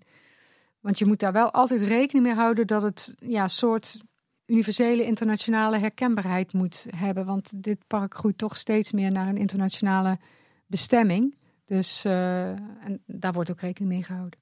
Ik merk bij mezelf wel, als je kijkt naar de, de, grote Amerikaanse parken, dan is eigenlijk alle, alle attracties die worden toegevoegd zijn tegenwoordig IP-based. Dus gebaseerd op een, een eerdere film of een, een, serie van films. En ik merk dan bij mezelf dat het bij mij, mijn interesse in die nieuwe attracties heel erg afhankelijk is van het IP. Hè. Ik heb zelf niks met Star Wars, ik heb niks met Pandora. Ik vind Jurassic Park en uh, Harry Potter, dat spreekt me wel enorm aan als IP. Waardoor ik nu, als ik nu naar Orlando zou worden gestuurd en ik zou de keuze moeten maken Disney of Universal, zou ik er bijna voor gaan kiezen om niet naar Disney te gaan, maar wel naar Universal, omdat die IP's me uh, meer aanspreken. Nemen die parken niet een ontzettend risico door al hun attracties te baseren op bestaand IP, waar mensen wat van vinden? Ja, misschien. Maar aan de andere kant moet je niet onderschatten hoe uh, enorm kolossaal Disney als merk is in uh, Amerika. Disney, Disney is gewoon echt de absolute uh, top. En ze dagen elkaar uit, Universal en Disney. Maar wat mij betreft heeft Disney weer even, die staat weer op 3-0 uh, of op 3-1 voorsprong. En we moeten maar zien waar Universal weer mee als, uh, als antwoord komt. Ja, het is natuurlijk zo dat de IP's die hun daar uitdragen, die hebben ieder zo'n enorme groep die ze aanspreken. Ja, uiteindelijk kun je, je kunt je park iedere dag satureren met alleen die doelgroep, zeg maar. En dat, dat geldt voor al die IP's. Ja, en vergis, vergis, je ook niet in alle merchandise. Hè? Dus dat je complete winkels of meerdere winkels hebt die alleen maar met dat Star Wars bezig zijn. Of alleen maar met Avatar en Pandora bezig zijn. Dus... Ik denk dat het risico vooral zit in hoe uh, langdurig die IP's interessant blijven. Ja. Want nu heb je al bijvoorbeeld dat de schrijver van uh, de Harry Potter verhaal komt in een, komt in slecht vaarwater. Ja, dan, dan kan het al invloed hebben op, op de aantrekkingskracht van die gebieden. Maar het kan ook, ja, je neemt best wel een risico als je als ja. Disney bijvoorbeeld meteen een themadeel gaat bouwen op basis van een nieuw IP waarvan je het succes nog niet eens kent. Ik bedoel, die Frozen gebieden zijn ook pas veel later uit de grond gestampt. Ook al was Michel er al bezig voordat de film gereleased was. Ja. Met groen licht kregen ze pas toen ze wisten, nou, het is een cash cow. En waarschijnlijk gaat het nog wel voor een jaar of tien op zijn minst zo blijven. Ja, wat Frozen betreft, dat, was, dat vond ik wel heel mooi. Want wij waren in Epcot. En toen, ik kende de oude ride die in dat Noorwegen gedeelte was. Maar toen ik Frozen binnenging, hè, dus dat, dat gedeelte dan met name wat door uh, Michel en Dulkes ontworpen, toen voelde ik me thuis. Dus ik kreeg een heel Europees gevoel van. Snap je, weet je wat ik bedoel? Ja, ik ken het meisje met de zwavelstokjes natuurlijk uh, prachtig en wat andere dingen die hij gedaan heeft. Maar ik kon echt die, eh, die hand of die warmte voelen. Erg mooi. Heel leuk. Trouwens ook een hele leuke attractie geworden. Je zei net, ik zie de Efteling niet zo gauw externe IP toepassen. Uh, maar als we dan kijken naar iets meer uh, klassieker externe IP, dus zeg maar bestaande sprookjes, bestaande verhalen, heeft het jou in jouw voorkeur dat de Efteling nu attracties gaat maken rond verhalen die ze zelf bedenken? Of heeft het jouw voorkeur dat ze juist kiezen voor toch die bestaande sages, legendes en sprookjes? Ja, dat moet je natuurlijk niet vragen aan iemand die helemaal gek is van sprookjes. dus ik wil natuurlijk meer sprookjes uh, zien, ja. ja. Maar misschien wel ook wel nieuwe sprookjesachtige verhalen zien, zeg maar. Die, die, dus dat je ook iets nieuws te ontdekken hebt. Ja, nee, zeker. Maar je moet altijd, dat, tenminste dat zou ik graag willen, of dat, dat weet ik van, ook vanuit het onderzoek dat er werkt, is dat je wel elementen gebruikt die mensen meteen gaan herkennen en waar ze meteen een warm gevoel van krijgen of waar ze nostalgische, nostalgische gevoelens bij hebben. Het is best heel moeilijk om een compleet nieuw verhaal of nieuw IP te lanceren en dat ook op een succesvolle en consistente manier te doen. Dat kost heel veel meer inspanning dan wanneer je toch inhaakt op iets wat al bestaat. Omarm stereotypes is natuurlijk ook een pretparkwijsheid voor je verhaal. En dan mag je daarna wel, mag je die stereotypes wel doorbreken. Maar dat je er in eerste instantie op leunt om mensen een bepaalde richting op te krijgen of mee te krijgen. En dan kun je daarna mee doen wat je wil. Ja, maar kijk ook naar sprookjes. Ik bedoel, sprookjes zitten ook vol met clichés. Ja, ja. Maar daar is niks mis mee, want dat vinden mensen soms heerlijk. Om zich mee te laten slepen op iets waar ze eigenlijk al van aanvoelen wat er gaat gebeuren. Heb je in je onderzoek een uh, grote verandering gezien in de manier waarop de Efteling vroeger verhalen vertelde versus nu? Ik denk dat er eigenlijk meer overeenkomsten zijn dan verschillen. Oh. Ik vind dat ze, ja, qua technieken en technologie is er natuurlijk wel veel verbeterd. Hè? Ik heb de vorige keer ook verteld over dat, dat Reinders fantasie soms al verder reikte dan wat hij ja, wat hij technisch kon uitvoeren. Hij had gewoon de kennis en de middelen en de mogelijkheden nog, uh, nog niet om die dromen te realiseren. De verhalen zijn wel hier en daar, maar dat weten jullie ook natuurlijk wat korter geworden. Hè? Sommige verhalen al ingekort, want mensen, de concentratiespannen van mensen is uh, redelijk kort. Nee, als ik ook denk aan shows en entertainment, poppenkasten waren er al vanaf de beginjaren. De meisjes van vrouw Holle, die vertelden al heel in het begin in het park sprookjes en dergelijke. Dus nee, eigenlijk in, in wezen is er niet heel veel veranderd, denk ik. Zijn de verhalen ook niet complexer geworden? Want we horen wel eens mensen die, eh, die bijvoorbeeld uit symbolica komen, die zeggen: Wat heb ik nou meegemaakt? Hè?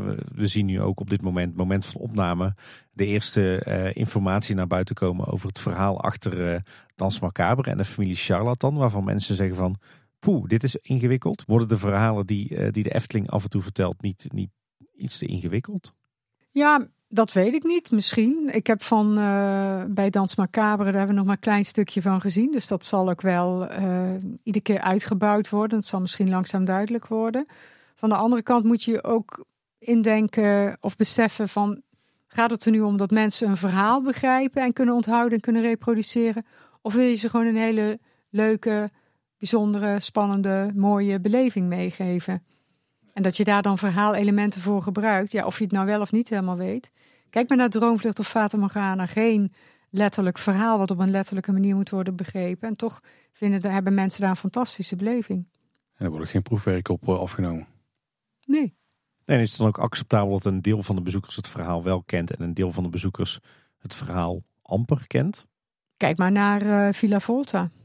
dus James snapte er helemaal niks van en vond het toch fantastisch. Dus ja, nee, ik denk niet dat dat zo'n probleem is. Droomvlucht Fata Morgana, ja. Uh, Monique, een uh, vraag die vaak voorbij komt, ook uh, in de reacties van onze luisteraars, is: moet de Efteling niet wat gaan doen met sprookjes en inclusiviteit? Want sprookjes zijn natuurlijk eeuwen oud. Daarin speelt de man vaak de helderrol. De vrouw vaak, zit vaak toch in de underdog-positie. Moet de Efteling daar niet wat mee? Moeten, die verhalen niet worden aangepast? Moeten de uitbeeldingen van de sprookjes in de Efteling niet worden aangepast? Ja, ik vind dat zelf een hele, hele gevaarlijke. Want dan kom je een beetje op een glijdende schaal of op uh, glad ijs. En dan ga je, als je dat helemaal extreem blijft doorvoeren, dan kom je uiteindelijk op een soort boekverbranding. Dus je moet zien, en dat heb ik in de uh, eerste aflevering dat ik jullie gesproken heb ook uitgelegd dat elke verteller, hoe dan ook, geconditioneerd is door de tijd waarin die opgroeit. En dat is deels een soort bewuste conditionering. Hij gaat op zoek naar versies van verhalen en dergelijke. Maar hij heeft ook een groot praktisch bewustzijn. Dus je groeit op met bepaalde verhalen, maar je bevindt je ook in bepaalde tijdruimte, in een context, in een normen en waarden. En daar kunnen verschuivingen in plaatsvinden.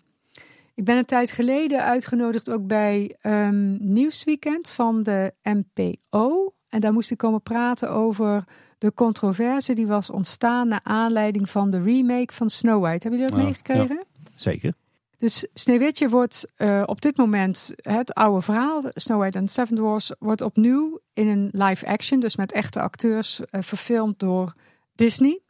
Ze waren nog niet eens in productie, dus er was eigenlijk nog bijna niks bekend over die film. Alleen dat er een Latina-actrice zou zijn die Sneeuwwitje zou uh, spelen. En toen heeft Peter Dinklage, dat is de acteur met dwerggroei uit Game of Thrones onder andere, fantastische acteur. Die ging zich daarover uitspreken en die zei van ja, kan Disney nou niks beter verzinnen dan uh, zeven dwergen, zeven mannen die in een grot samenwonen enzovoort. Dus hij vond het heel ja, stereotyperend en, en verkeerd eigenlijk. En toen ben ik me gaan voorbereiden op dat uh, gesprek van wat ik daar nou van vond. En toen kwam ik bij, uit bij um, Will Perry. Dat is een uh, Paralympisch atleet uit Engeland. Die man heeft zelf ook dwerggroei. En ja, die zei, die was eigenlijk een andere mening toegedaan. Die zei ja, het is gewoon Sneeuwwitje en de Zeven Dwergen is een fantastisch verhaal. En de dwergen daar zijn ook heel mooi en bijzonder en uh, ja, als een leuk karakter neergezet. En die hebben een eigen wil en uh, weet ik veel wat. Dus ik heb daar geen problemen mee. Hij zei waar ik wel problemen mee heb, is dat mensen mij op straat aanstaren, gaan filmen enzovoort. Ik wil echt iedereen oproepen. Als je dat ziet gebeuren, doe er niet aan mee of roep heel hard nee. Want ik wil gewoon een normaal leven kunnen leiden. Dus die die twee dingen, daar zat ik eigenlijk mee. En toen realiseerde ik me dat ik Dat is een van mijn eerste eh, herinneringen uit mijn kindertijd. Ik denk dat ik drie was, of misschien net vier. Toen gingen we naar het circus. En eh, dat kwam bij ons in, eh, in de stad. En daar werd op een bepaald moment iemand met dwerggroei uit een kanon weggeschoten. En die eindigde dan in zo'n ja, strobalen, zeg maar. En ik weet nog dat ik ongelooflijk overstuur was van dat, dat ik gewoon weg wilde. Ik moest heel erg huilen, ik vond het verschrikkelijk. Maar ik denk in diezelfde periode, ja, dan speelden wij gewoon Sneeuwwitje en de Zeven Dwergen na. Dan had mijn zus, die had de trouwjurk van mijn moeder aan. En wij waren verkleed als Zeven Dwergen met hemden onder onze oren en een uh, kussen onder de buik. Ik heb het al verteld. Maar ik heb nooit de connectie gelegd tussen die meneer met dwerggroei en die dwergen die wij naast speelden. Dus ik vind het ook een soort minachting, zeg maar, van kinderen. Ik denk zelf dat kinderen heel goed in staat zijn om het verschil te zien tussen fictie en realiteit. En als je alles probeert weg te halen, omdat je denkt dat kinderen daar misschien verkeerde dingen van gaan denken of op basis daarvan verkeerde dingen gaan doen, ja, dan heb je er gewoon niks van uh, begrepen. Dus wat dat aangaat, zou ik zeggen, ga ook niet. Kijk, je hebt een aantal extreme voorbeelden gehad, zoals uh, Monsieur Cannibal of wat in het Carnaval Festival uh, zat. Nou, dat heeft de Efteling keurig na rijpberaad veranderd. Ik denk dat dat ook misschien terecht was. Maar voor de rest moet je niet met, met de bezem of met de hakbijl daar doorheen gaan. En Zweden wordt, zijn, gaan zelfs al stemmen op van mensen die willen dat Pippi Langkous wordt verboden. Want Pippi Langkous, dat is eigenlijk, ja, dat is toch kindermishandeling of kinderverwaarlozing. En die vader dan, wat was die ook alweer, een piratenkoning. En ja. die had dan al, ja... Denk ze, ze noemden het in het originele boek iets anders, maar dat, zullen we, dat woord zullen we ook maar hier niet in de podcast gebruiken. Nee, maar goed, dat is in een bepaalde tijd, is dat geschreven en toen werd daar zo over gedacht. En als het te ouderwets wordt, dan gaan mensen het vanzelf achterwege laten. Dus ik ben ook heel benieuwd naar die nieuwe Sneeuwwitje. Ik denk dat die, die, die, uh, die kus, hè, want het was eigenlijk in de versie van, van Grim, was natuurlijk dat de, uh, de appel uit haar keel schoot, dat ze de glazen kist uh, verplaatst werd. Maar dat ze die kus van die prins, dat gaan ze weglaten, want vinden ze gewoon ouderwets. Dus dat komt vanuit die makers zelf. En dat, daar moet je ook op vertrouwen, op dat proces. Dus jij zegt, uh, bestaande sprookjes niks aan veranderen. Als je kijkt naar nieuwe toevoegingen aan de Efteling, nieuwe verhalen, nieuwe attracties, nieuwe sprookjes, zeg je dan, houd daar wel rekening met een stukje inclusiviteit. Dus kies daar inderdaad voor uh, misschien een keer een prinses met een andere huidskleur of een, een vrouw in de heldenrol. Uh, hoe kijk je daar tegenaan? Ja, dat kan. Nee, zonder meer. En dat zie je ook wel. Ik bedoel, als je kijkt naar Ravelijn, daar zijn die, uh, die meiden net zo pittig als die jongens. Dus dat is, al, dat is al heel erg leuk. Maar dat gebeurt vanzelf. Daar hoef je niet zoveel moeite voor te doen. Nee. Maar kijk ook uit dat het niet doorslaat. Want als ik nu naar een Frozen film kijk, dan denk ik, nou, als jullie over 30 jaar die film zien, zeggen nou, alle mannen zijn wel verschrikkelijke oenen of slechterikken, ja, weet je wel. je moet ook weer niet doorslaan. Ja. Het is zo ongenuanceerd allemaal. Laat nou de creatie de vrije loop en laat de fantasie de vrije loop. En kinderen zijn echt wel slim genoeg om, om de dingen van elkaar te onderscheiden. We zien natuurlijk nu in het Efteling Sprookjesbos vooral de, de, de, sprookjes vanuit uh, Grim, Perrault, uh, Andersen. We zien dat de Efteling ook heel veel doet met de sprookjes van Duizend en één Nacht. En maar er gaan ook wel eens stemmen op om het nog verder te diversificeren. Denk aan Russische sprookjes, Scandinavische sprookjes. Maar bijvoorbeeld ook als we kijken naar ons eigen koloniale verleden. Ga ook eens verhalen vertellen uit nou, bijvoorbeeld Indonesië, de Antillen of Suriname. Hoe, hoe kijk jij daar tegenaan? Ja, daar zitten natuurlijk ook hartstikke leuke verhalen bij. De Spin Anansi bijvoorbeeld is hartstikke ja. leuk. Van de andere kant denk ik, ja, persoon, maar dat is meer mijn persoonlijke mening. Dus ik heb dat niet als onderzoeker of iets dergelijks, maar als persoonlijke mening. En dat heb ik al laten blijken. Ik vind natuur heel belangrijk als context of als ingrediënt of als setting voor die Efteling-beleving.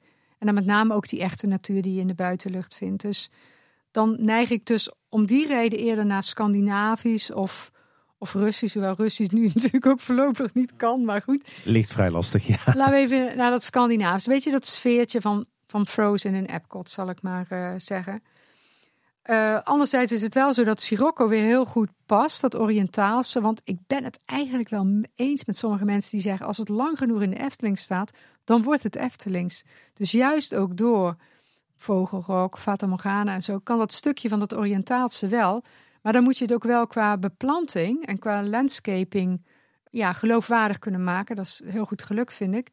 Ik denk als je echt een, een tropisch, tropische setting zou hebben, dat dat wat moeilijker is. Dan moet je al naar iets indoors toe. Want buiten krijg je dat gewoon niet mooi gerealiseerd volgens mij. Dat gaat heel erg uh, ja, uit de toon vallen met de rest van het, uh, van het park. Iets voor de westelijke uitbreiding dan, die uh, grotendeels indoor zal zijn. Wie weet. Hm, dat is wel mogelijkheden, ja. misschien nog een, een, vraag nu we toch weer aan tafel hebben zitten. Ik ben nog heel benieuwd. Welk sprookje of welke sprookjes mis wat jou betreft nog echt in de Efteling? Ik heb de vraag van tevoren gekregen, dus ik geef toe dat ik het een en ander heb opgezocht van wat ik leuk vind. Sommige uh, sprookjes staan ook al in, uh, in, in, bepaalde sprookjesboeken. Kijk, ik, ik realiseer me wel dat het sprookjesbos, de ruimte is beperkt. En dit moet je niet helemaal gaan volplempen met nog twintig sprookjes volgens mij.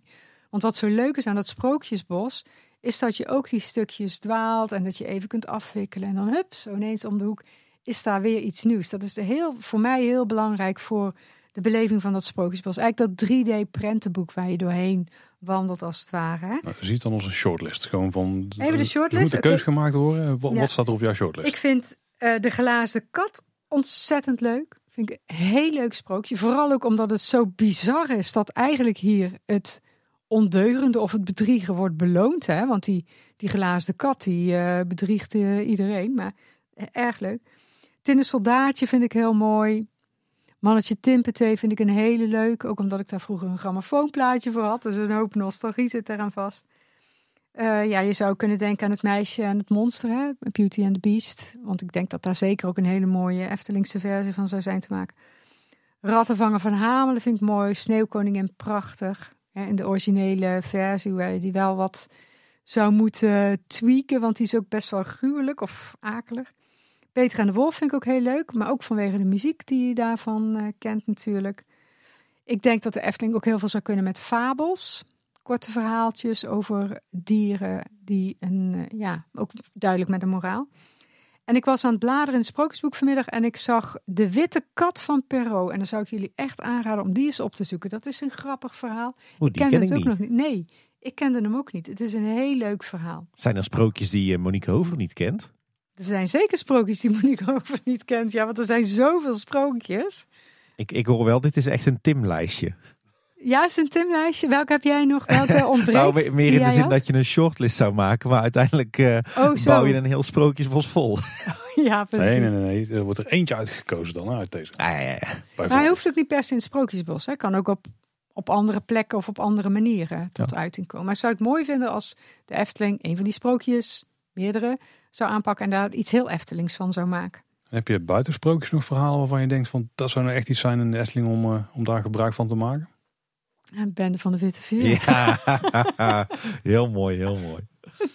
Ja, nee, ja, dansende kat. Eigenlijk alle, alle zagen die hier eh, in, de, in de omgeving bekend zijn, legendesagen, ja, kan allemaal.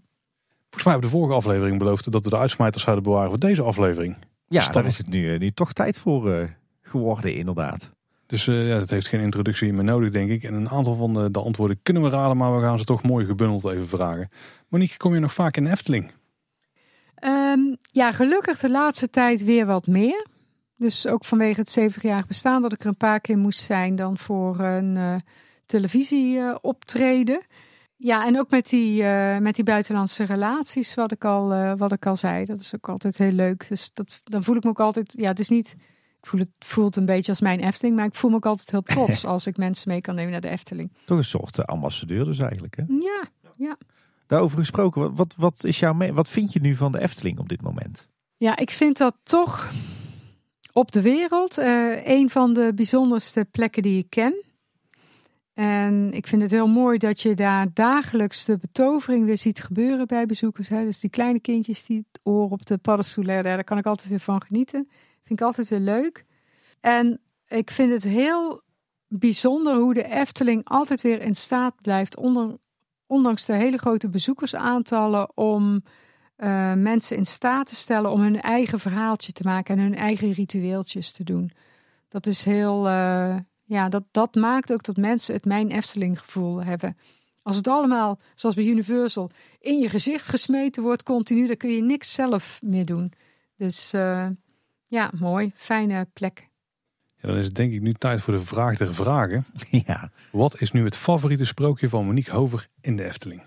Wat denken jullie?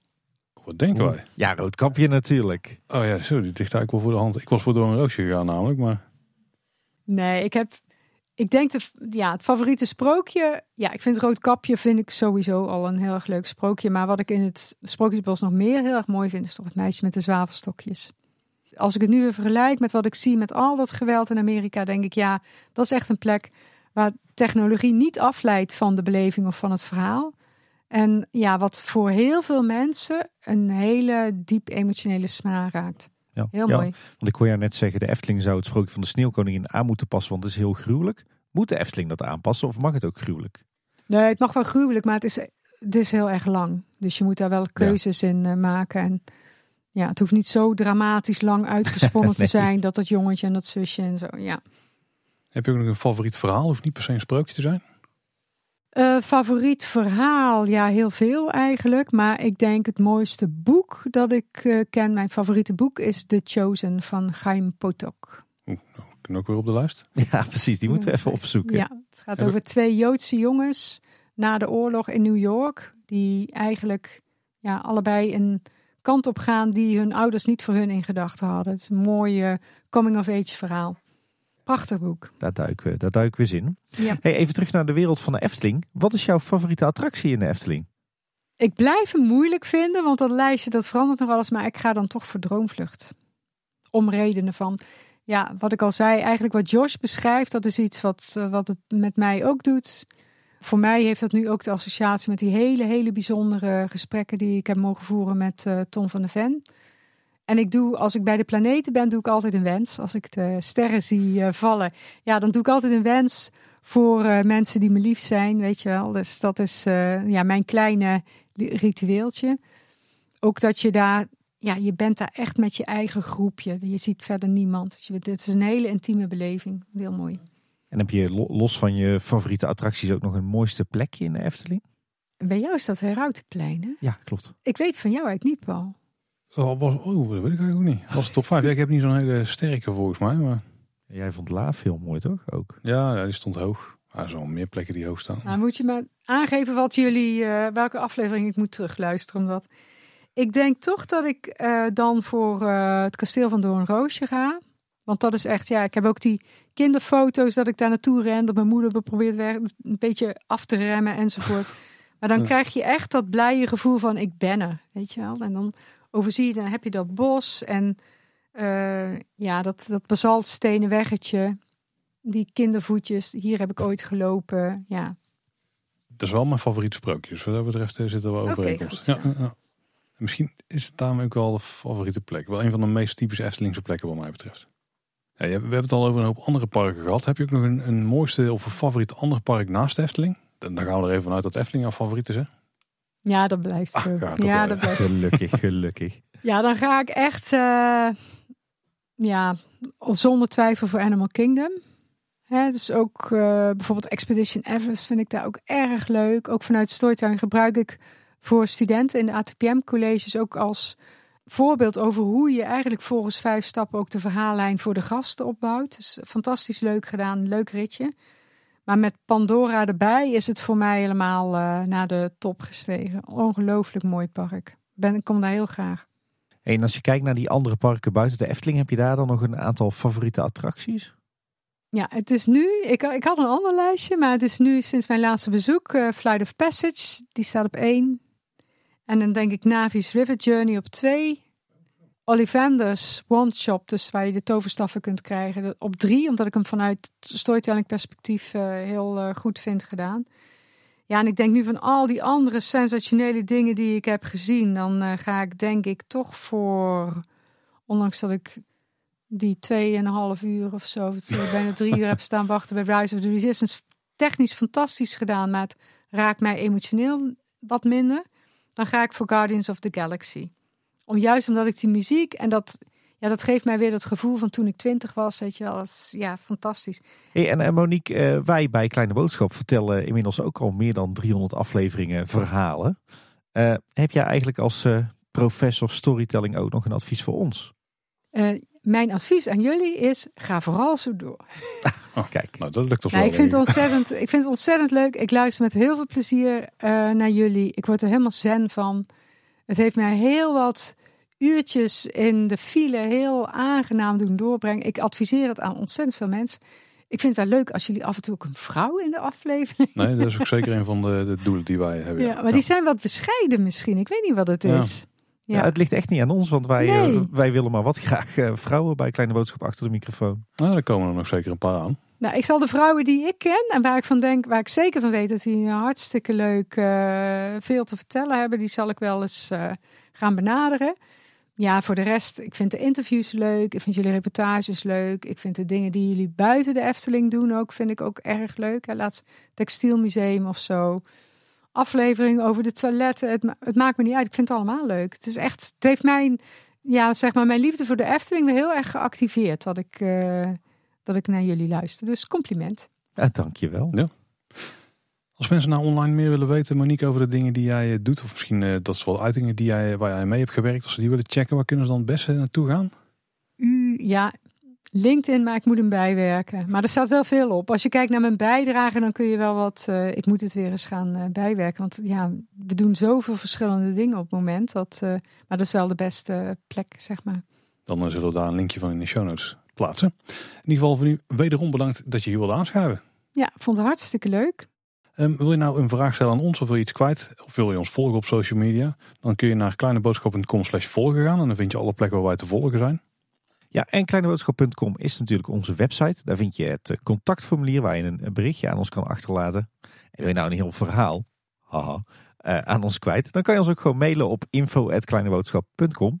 Als je ons volgt in de podcast app, dan abonneer je daar zeker mocht je dat nog niet hebben gedaan. Maar dan kun je in sommige gevallen ook een klein verhaaltje achterlaten in de vorm van een review. Hoewel, dat is denk ik alleen bij Apple Podcasts. Maar je kunt in ieder geval ook een review achterlaten in Spotify, maar dan alleen in de, in de vorm van een aantal sterren.